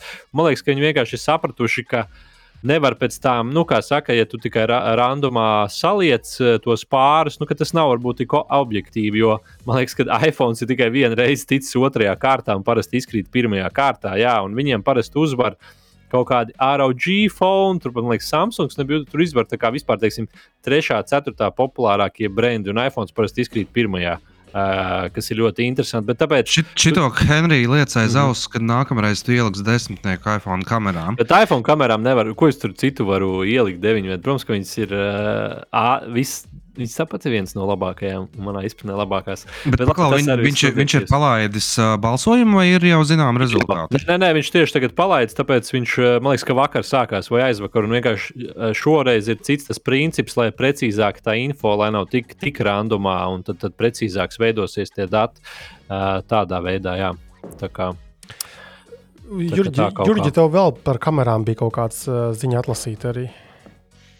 Jā, tūlīt uh, atvēršu īsto lapu, jo es šim uh, tālrunim kā reizi nevaru atcerēties nosaukumu. Bet, uh, Tāpēc, ka mūsu platuma grādos tas arī nav, Tekno nav aktuāls. Phantom X2 Tekno Pro. Phantom X2 Pro. Nu, vājprātīgi. Nu, lūdzu, nākamgad, lūdzu, lūdzu ražotāji vienkārši reducējiet savus nosaukumus. Tas nav izrunājums. Bet runa ir tieši par uh, portretu kameru. Kas ir domāts par portretu jā, kameru? Jā, portretu kamera. Tā tad, uh, uh, ja, ja tu neesi dzirdējis par ražotāju Tehno, viss ir kārtībā ar tevi. Neviens nav ražo, šādu ražotāju dzirdējis. Uh, tas ir ražotājs, kurš ir izplatījies uh, jaunatīstības valstīs, Āfrikā un daļai arī Āzijā. Bet interesants, uh, nu, šad, šādi ražotāji parādās, uh, ātri nomirst, un tam līdzīgi šis kā reizi izskatās dzīvotspējīgs, un, uh, un viņš iz, interes, interesanti dara, ka ik pa brīdim uh, publicē kādu vidiku ar, uh, ar uh, dažādiem nu, konceptiem, tur, uh mhm. -huh. konceptu kamerām un, un, un tam līdzīgi. Nu, parasti es uz šādiem uh, vidikiem nu, skatos ar diezgan lielu skepsi un smīnu. Jo, jo nu, būsim reāli nu, nu, tā, tā, tāds, tāds viduvējs ražotājs, un tur baigos koncepts, un, kā, un šeku reku ik pa brīdim viņiem patiešām izdodas kaut ko tādu jaunu, oriģinālu kā, izdarīt. Runa ir par aizmugures kameru. Uh, tie, kas ir pieraduši redzēt, ka kamera, nu, ka viena ir uh, standarta kamera, viena ultraplatlēņa, un tad uh, pilnai laimēji vēl ir telefoto kamera, tātad uh, zoom kamera. Šajā gadījumā uh, šis aparātiņš ir ticis pie reāli fiziski izbraucāmas zoom kameras. Nu, kā, uh, reāli tā kā fotoaparātiem viņi tā tinkš un uz āru iznāk. Bet kas ir pats interesantākais, ka še, šī, uh, šī kamera ir saņēmusi tā teikt. Uh, platāko diafragmas atvērumu, kāds uh, telefotokamerai ir uzlikts uh, F1.5. Un rezultātā uh, tie portreti, ko viņi iegūst, uh, nav veidoti ar pēcapstrādi, bet uh, tā, tā ir reāla boka, kas tiek iegūta. Un, un, un tā savukārt ir ļoti interesanta inovācija, nekur citur neredzēta. Tad parastam mirstīgam cilvēkam saprotamā valoda, respektīvi, tu bildē cilvēku, un viņam būs papludināts foniņš, respektīvi, tas telpas dziļumā sajūta. Kopā ar parastiem telefoniem. Tikai tā atšķirība būs tāda, ka tas, tas nenotiek digitāli, Jep. un tev ne, neveidojas kaut kādi mākslīgi kropļojumi. Apkārt, ko, ko programmatūra vai, vai nu palaid uz garām, vai, vai nav palaid uz garām, bet uh, tas notiek optiski. Mm -hmm. Ok, tātad, uh, ja tu gribās super nenormāli, ārprātīgi krūtas uh, kameras, uh, tāds no Phantom X2 Pro dabūt. Jā, izpludināt bildi. Jā, jā, jā. izpludināt fonu. Izpludināt, izpludināt fonu. Tā, tā, Bet, ar citu, runājot arī jaunajai Apple kamerai, nav nemaz tik traki. Arī tur var bez portreta moda arī viņš bišķiņu pludina ārā. Tur kaut kādos noteiktos veidos varēja uzķert. Tā kā tas bišķiņi nāk arī bez, arī flagmaņos iekšā, kā arī ar jaunajiem sensoriem, ka nevajag obligāti ieslēgt. Liel, lieliem, lieliem sensoriem tas, tas, tas ir. Parasti lieliem sensoriem to, to var forši izmantot, teiksim, ja tu gribi kaut kādu priekšmetu no, nobildēt. Jo tāpēc, ka lieliem sensoriem izteikti ir tas, ka viņiem ir nu, teikt, asas bildes centrs, uh mhm. -huh. taču malas ir jau, jau tādas nevisai asas. Uh, taču, un, un priekšmetiem tas ir forši, jo, jo tā programmatūra parasti portretiem ir mācīta atpazīt tieši cilvēkus. Un tajā brīdī, kad tu parādi, nezinu, spurainu puķi viņam, tad, tad uh, viņi sajūta prātā un pēkšņi Kur nogriež un, un, un, un lapiņas atstāja tur, kurā tur plānā un tam līdzīgi. Jā, ok, labi. Kas mums Twitter pasaulē jauns ir bijis šajā nedēļā? Es redzu, ka bija kaut kādas runas, ka Maskis teicis, ka jā, būs tur. Tātad pa, palielināts šis te tekstu garums postos, ja tvītos tad līdz 4000 simboliem, bet nu, kad nu, tas vēl būs, nu visdrīzāk viņi pabāzīs, nezinu, tā blūma maksas varbūt pakalpojuma. Uh, Būs ļoti interesanti. Bet interesanti, kāds izskatīsies, ja te, telefonā vienkārši. Jo 4000 ir, ir ārkārtīgi daudz. Es, es piekrītu, ka var vairāk, bet no otras puses, visa tā Twitter burvība, ka tev ir šie īsie paziņojumi un tādi fanāti, ka esam pieredzējuši, man tā vispār neliekas problēma. Nē, nu, zini, kas man vienīgais, es atzīšos, tagad, kad sāktos tredus rakstītos sarakstus, vai kā lai es, mm. saraksts, jā, nu, tad gan bija šī, tad tas varētu palīdzēt, bet es piekrītu, viņš kļūs par, es nezinu, te jau pa lielam mēs kursoru varēsim sākt bliest rakstus uh, Twitterī. Nē, tā mēs nedarīsim. Mums tomēr ir jāpublicē kursorā, lai ir reklāmas un lai var ko skatīties un klikšķināt. Nu, tā tā. Vēl runājot, Twitter, tad Masks ir nobloķējis to cilvēku, to lietotāju Twitterī, kurš izsekoja Ilona Maska privāto lidmašīnu. Tur bija tās Twitter konts.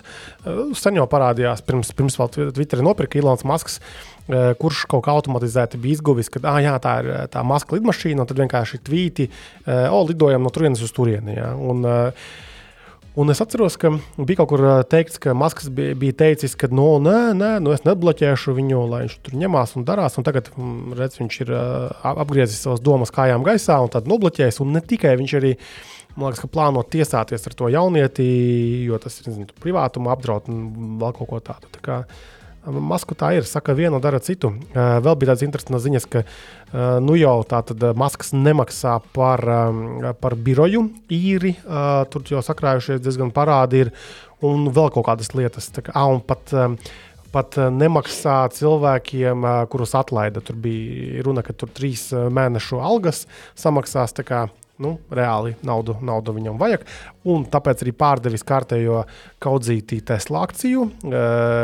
Ļoti labi varam redzēt, ka vissliktākajā momentā, tāpēc ka akciju vērtība ir būtiski kritusies Teslai, un arī gadā, šogad tas jau ir trešā reize, kad viņš pārdod gabaliņu Apple akciju, un Apple, bet Tesla akciju, un katru reizi viņš saka, nu, nu, nu, nu viss tā ir pēdējā reize, un piečakarē visus tostarp arī citus investorus Teslā, un tomēr nopārdot tālāk. Izskatās, ka Twitteris viņam ir pārāk sarežģīts kumosiņš, kas viņam kaklā ir iestrēdzis, un neiet ne uz vienu, ne uz otru pusi. Tā kā gribās, bet, bet nevar tikt galā normāli ar, ar to visu lietu. Okay, kas mums vēl tāds bija interesants? Ah, nu redz, Witcher 3 kaut kāda jaunā versija izlaista tāda spēle kā tāda nav jauna. Tur nav kaut kādas baigās jaunas lietas, bet tur ir, cik es saprotu, tehnisks uzfrišinājums, lai būtu šī ray tracing un, un tam līdzīgas lietas. Un jau ir pirmās um, atsauksmes no cilvēkiem, ka kaut kas gluko, kaut kas bremzē, kaut kas neiet, ka, piemēram, ieslēdz iekšā to ray tracingu, un tev ir 30, 40 kadra sekundē arī uz uh, jaunajām, spīdīgajām, milzīgajām uh, uh, Nvidia RTX 40 sērijas videokartēm. Tātad tas izskatās, ka ir uh, CD Projekt Red, uh, šīs kompānijas tāda firmas zīme, ja, ka mēs izlaižam kaut ko jaunu. Tā kā bija ar to Cyberpunk, ja, kad tur negāja sākumā nekas daļai uh, lietotāju, jo es spēlēju, man tā kā viss likās ok. Un tagad ar to Witcheru. Jā, bet uh, Witchers, kad, kad, kad, kad izlaida to Witcheru pirms diezgan daudz gadiem, viņa bija fantastiski skaista filma. Ja neesat spēlējuši, pamēģiniet. Uh, būtu vispār interesanti tagad nostalģijas vadītam vēlreiz viņu uzņemt. Laga filma vai spēle? Spēle. Runāja par spēli. Mm -hmm, labi, Filmas labi. nebremzē parasti, spēles bremzē. Bet paga viņi ir arī uz, uh, uz visiem platformām. Ne jā, jā, jā, jā. Mhm. Ir arī uz Xbox. Labi, paldies. Jā. Viņš sāk savu spēļu listu krātējām. Tas jau tas... divas ir. Kuras? Harijs Poters, kurš kavēsies pa diviem mēnešiem, ko es nesen uzzināju, un jaunais uh, Star Wars. Pagaid, tas jau ir vai vēl jāgaida? Uh, kur, tas būs martā. Ah, tas ir iepriekš pasūtījis. Nu, vēl nē, es tikai tā redzēju, traileris nesen iznāca. Man tas ir uz, manai geek. Un uz, uzrunāja tevi, ja? Jā, man uzrunā. mm, ok, labi. Um, kaut kas vēl tāds bija, ko gribējāt pieminēt? Vai... Man liekas, ka varam apaļoties, bet es gribēju pabeigt, ka pirmdienas vakarā veiksmīgi ar Temis misiju noslēdzās, jo tas Orion, kosmosa kuģis, kas pārvadās cilvēkus, Boeing veidotais, tad nolaidās atpakaļ uz Zemes un attiecīgi tad veiksmīgs pirmais lidojums ap mēnesi, esot sasniegts līdz šim arī tālākais attālums no Zemes nolidotais. Es saprotu, es pieņemu, tāpēc, ka tā trajektorija droši vien viņiem bija lielāka nekā iepriekš bija Apollo misijas laikā. Jā, tā kā viss veiksmīgi šoreiz arī ir, nu, jo pirms tam bija to, Boeing, to Orion uh, kapsulu pārbaudīt, nebija pareizi raķeti iešausies ne tajā leņķī un iztērēja degvielu, nevarēja normāli pārbaudīt. Tad tagad viņi ir aplidojuši apkārt mēnesim, jā, un tad nākamā misija laikam būs ar cilvēkiem pēc pusotra gada, nu, jau diviem gadiem, 24. gadā, un tad tikai 25. vai 26. gadā varēs nolaisties uz mēnesi, bet, man liekas, liels bet. To mēnesi nolaišanās modeli taisīs SpaceX. Es vispār neesmu redzējis nekādas paziņojumus. Okay, ir vēl 3, 4 gadi, bet es pieņemu, ka kosmosa nozare visu nenormāli pārbauda un testē. Tā kā vispār interesanti, kā tur, kāds progress tieši ar to ir. Nu, ja Maskis ne, nu, nebankrotēs, tad jau kaut ko uzbūvēs arī. Yes, jā, bet, nu, kā, tas, es domāju, diezgan arī tāds uh, vēsturisks. Tā, tā bija zīmīga lieta, tā bija zīmīga lieta, mm. Jurģī, vai tev kaut kas tāds? Es ķēries vēl, ko gribēju noteikti pateikt. Uz kādām teātris izrādēm mums būtu jāaiziet, piemēram. Ot, nopietni, mm. ot, jā, ot, tavs ieteikums, nezinu, no sava teātra vai no citiem kaut kādiem, nosauc varbūt trīs, eh, kas tavuprāt eh, būtu mums ar Henriju jāredz, piemēram.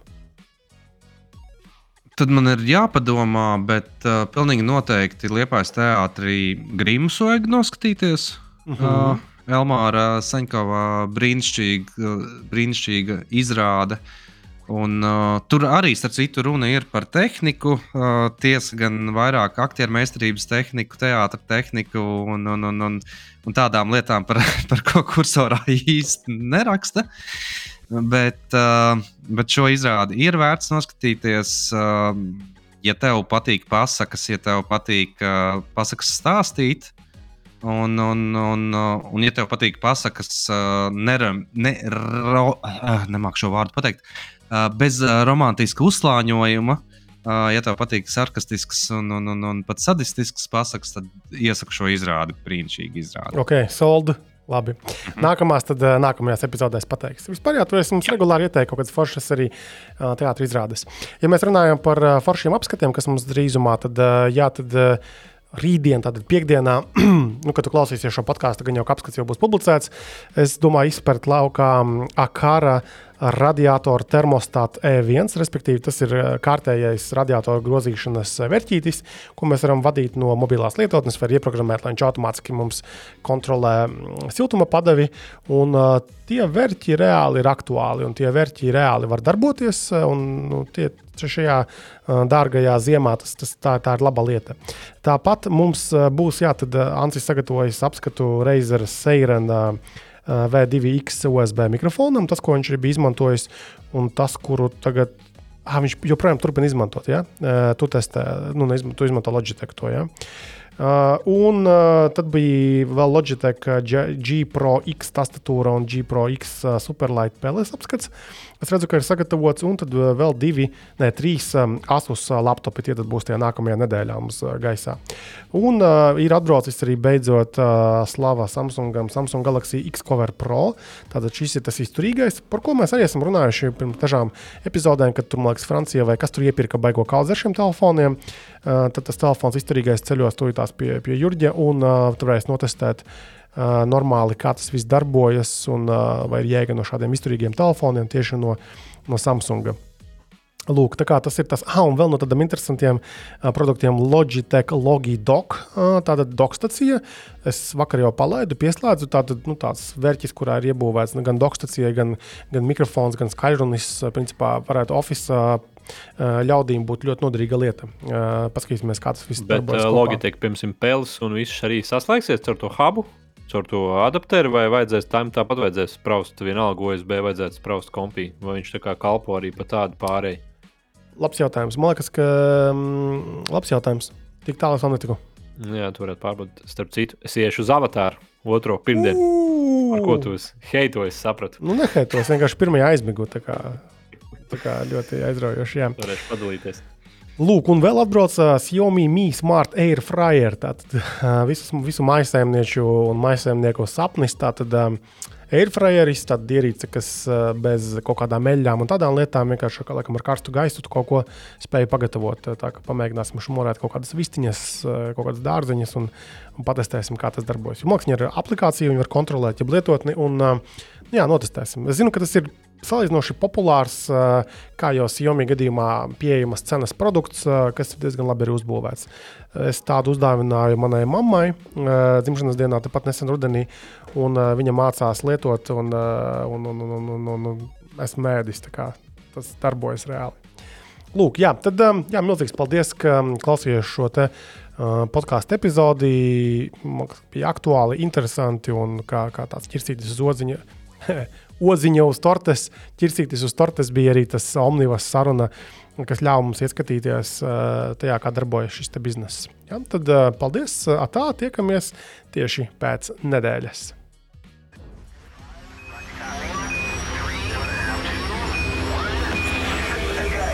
Ko kursors tev neraksta? Regulārs tehnoloģiju podkāsts kopā ar Cursors LV.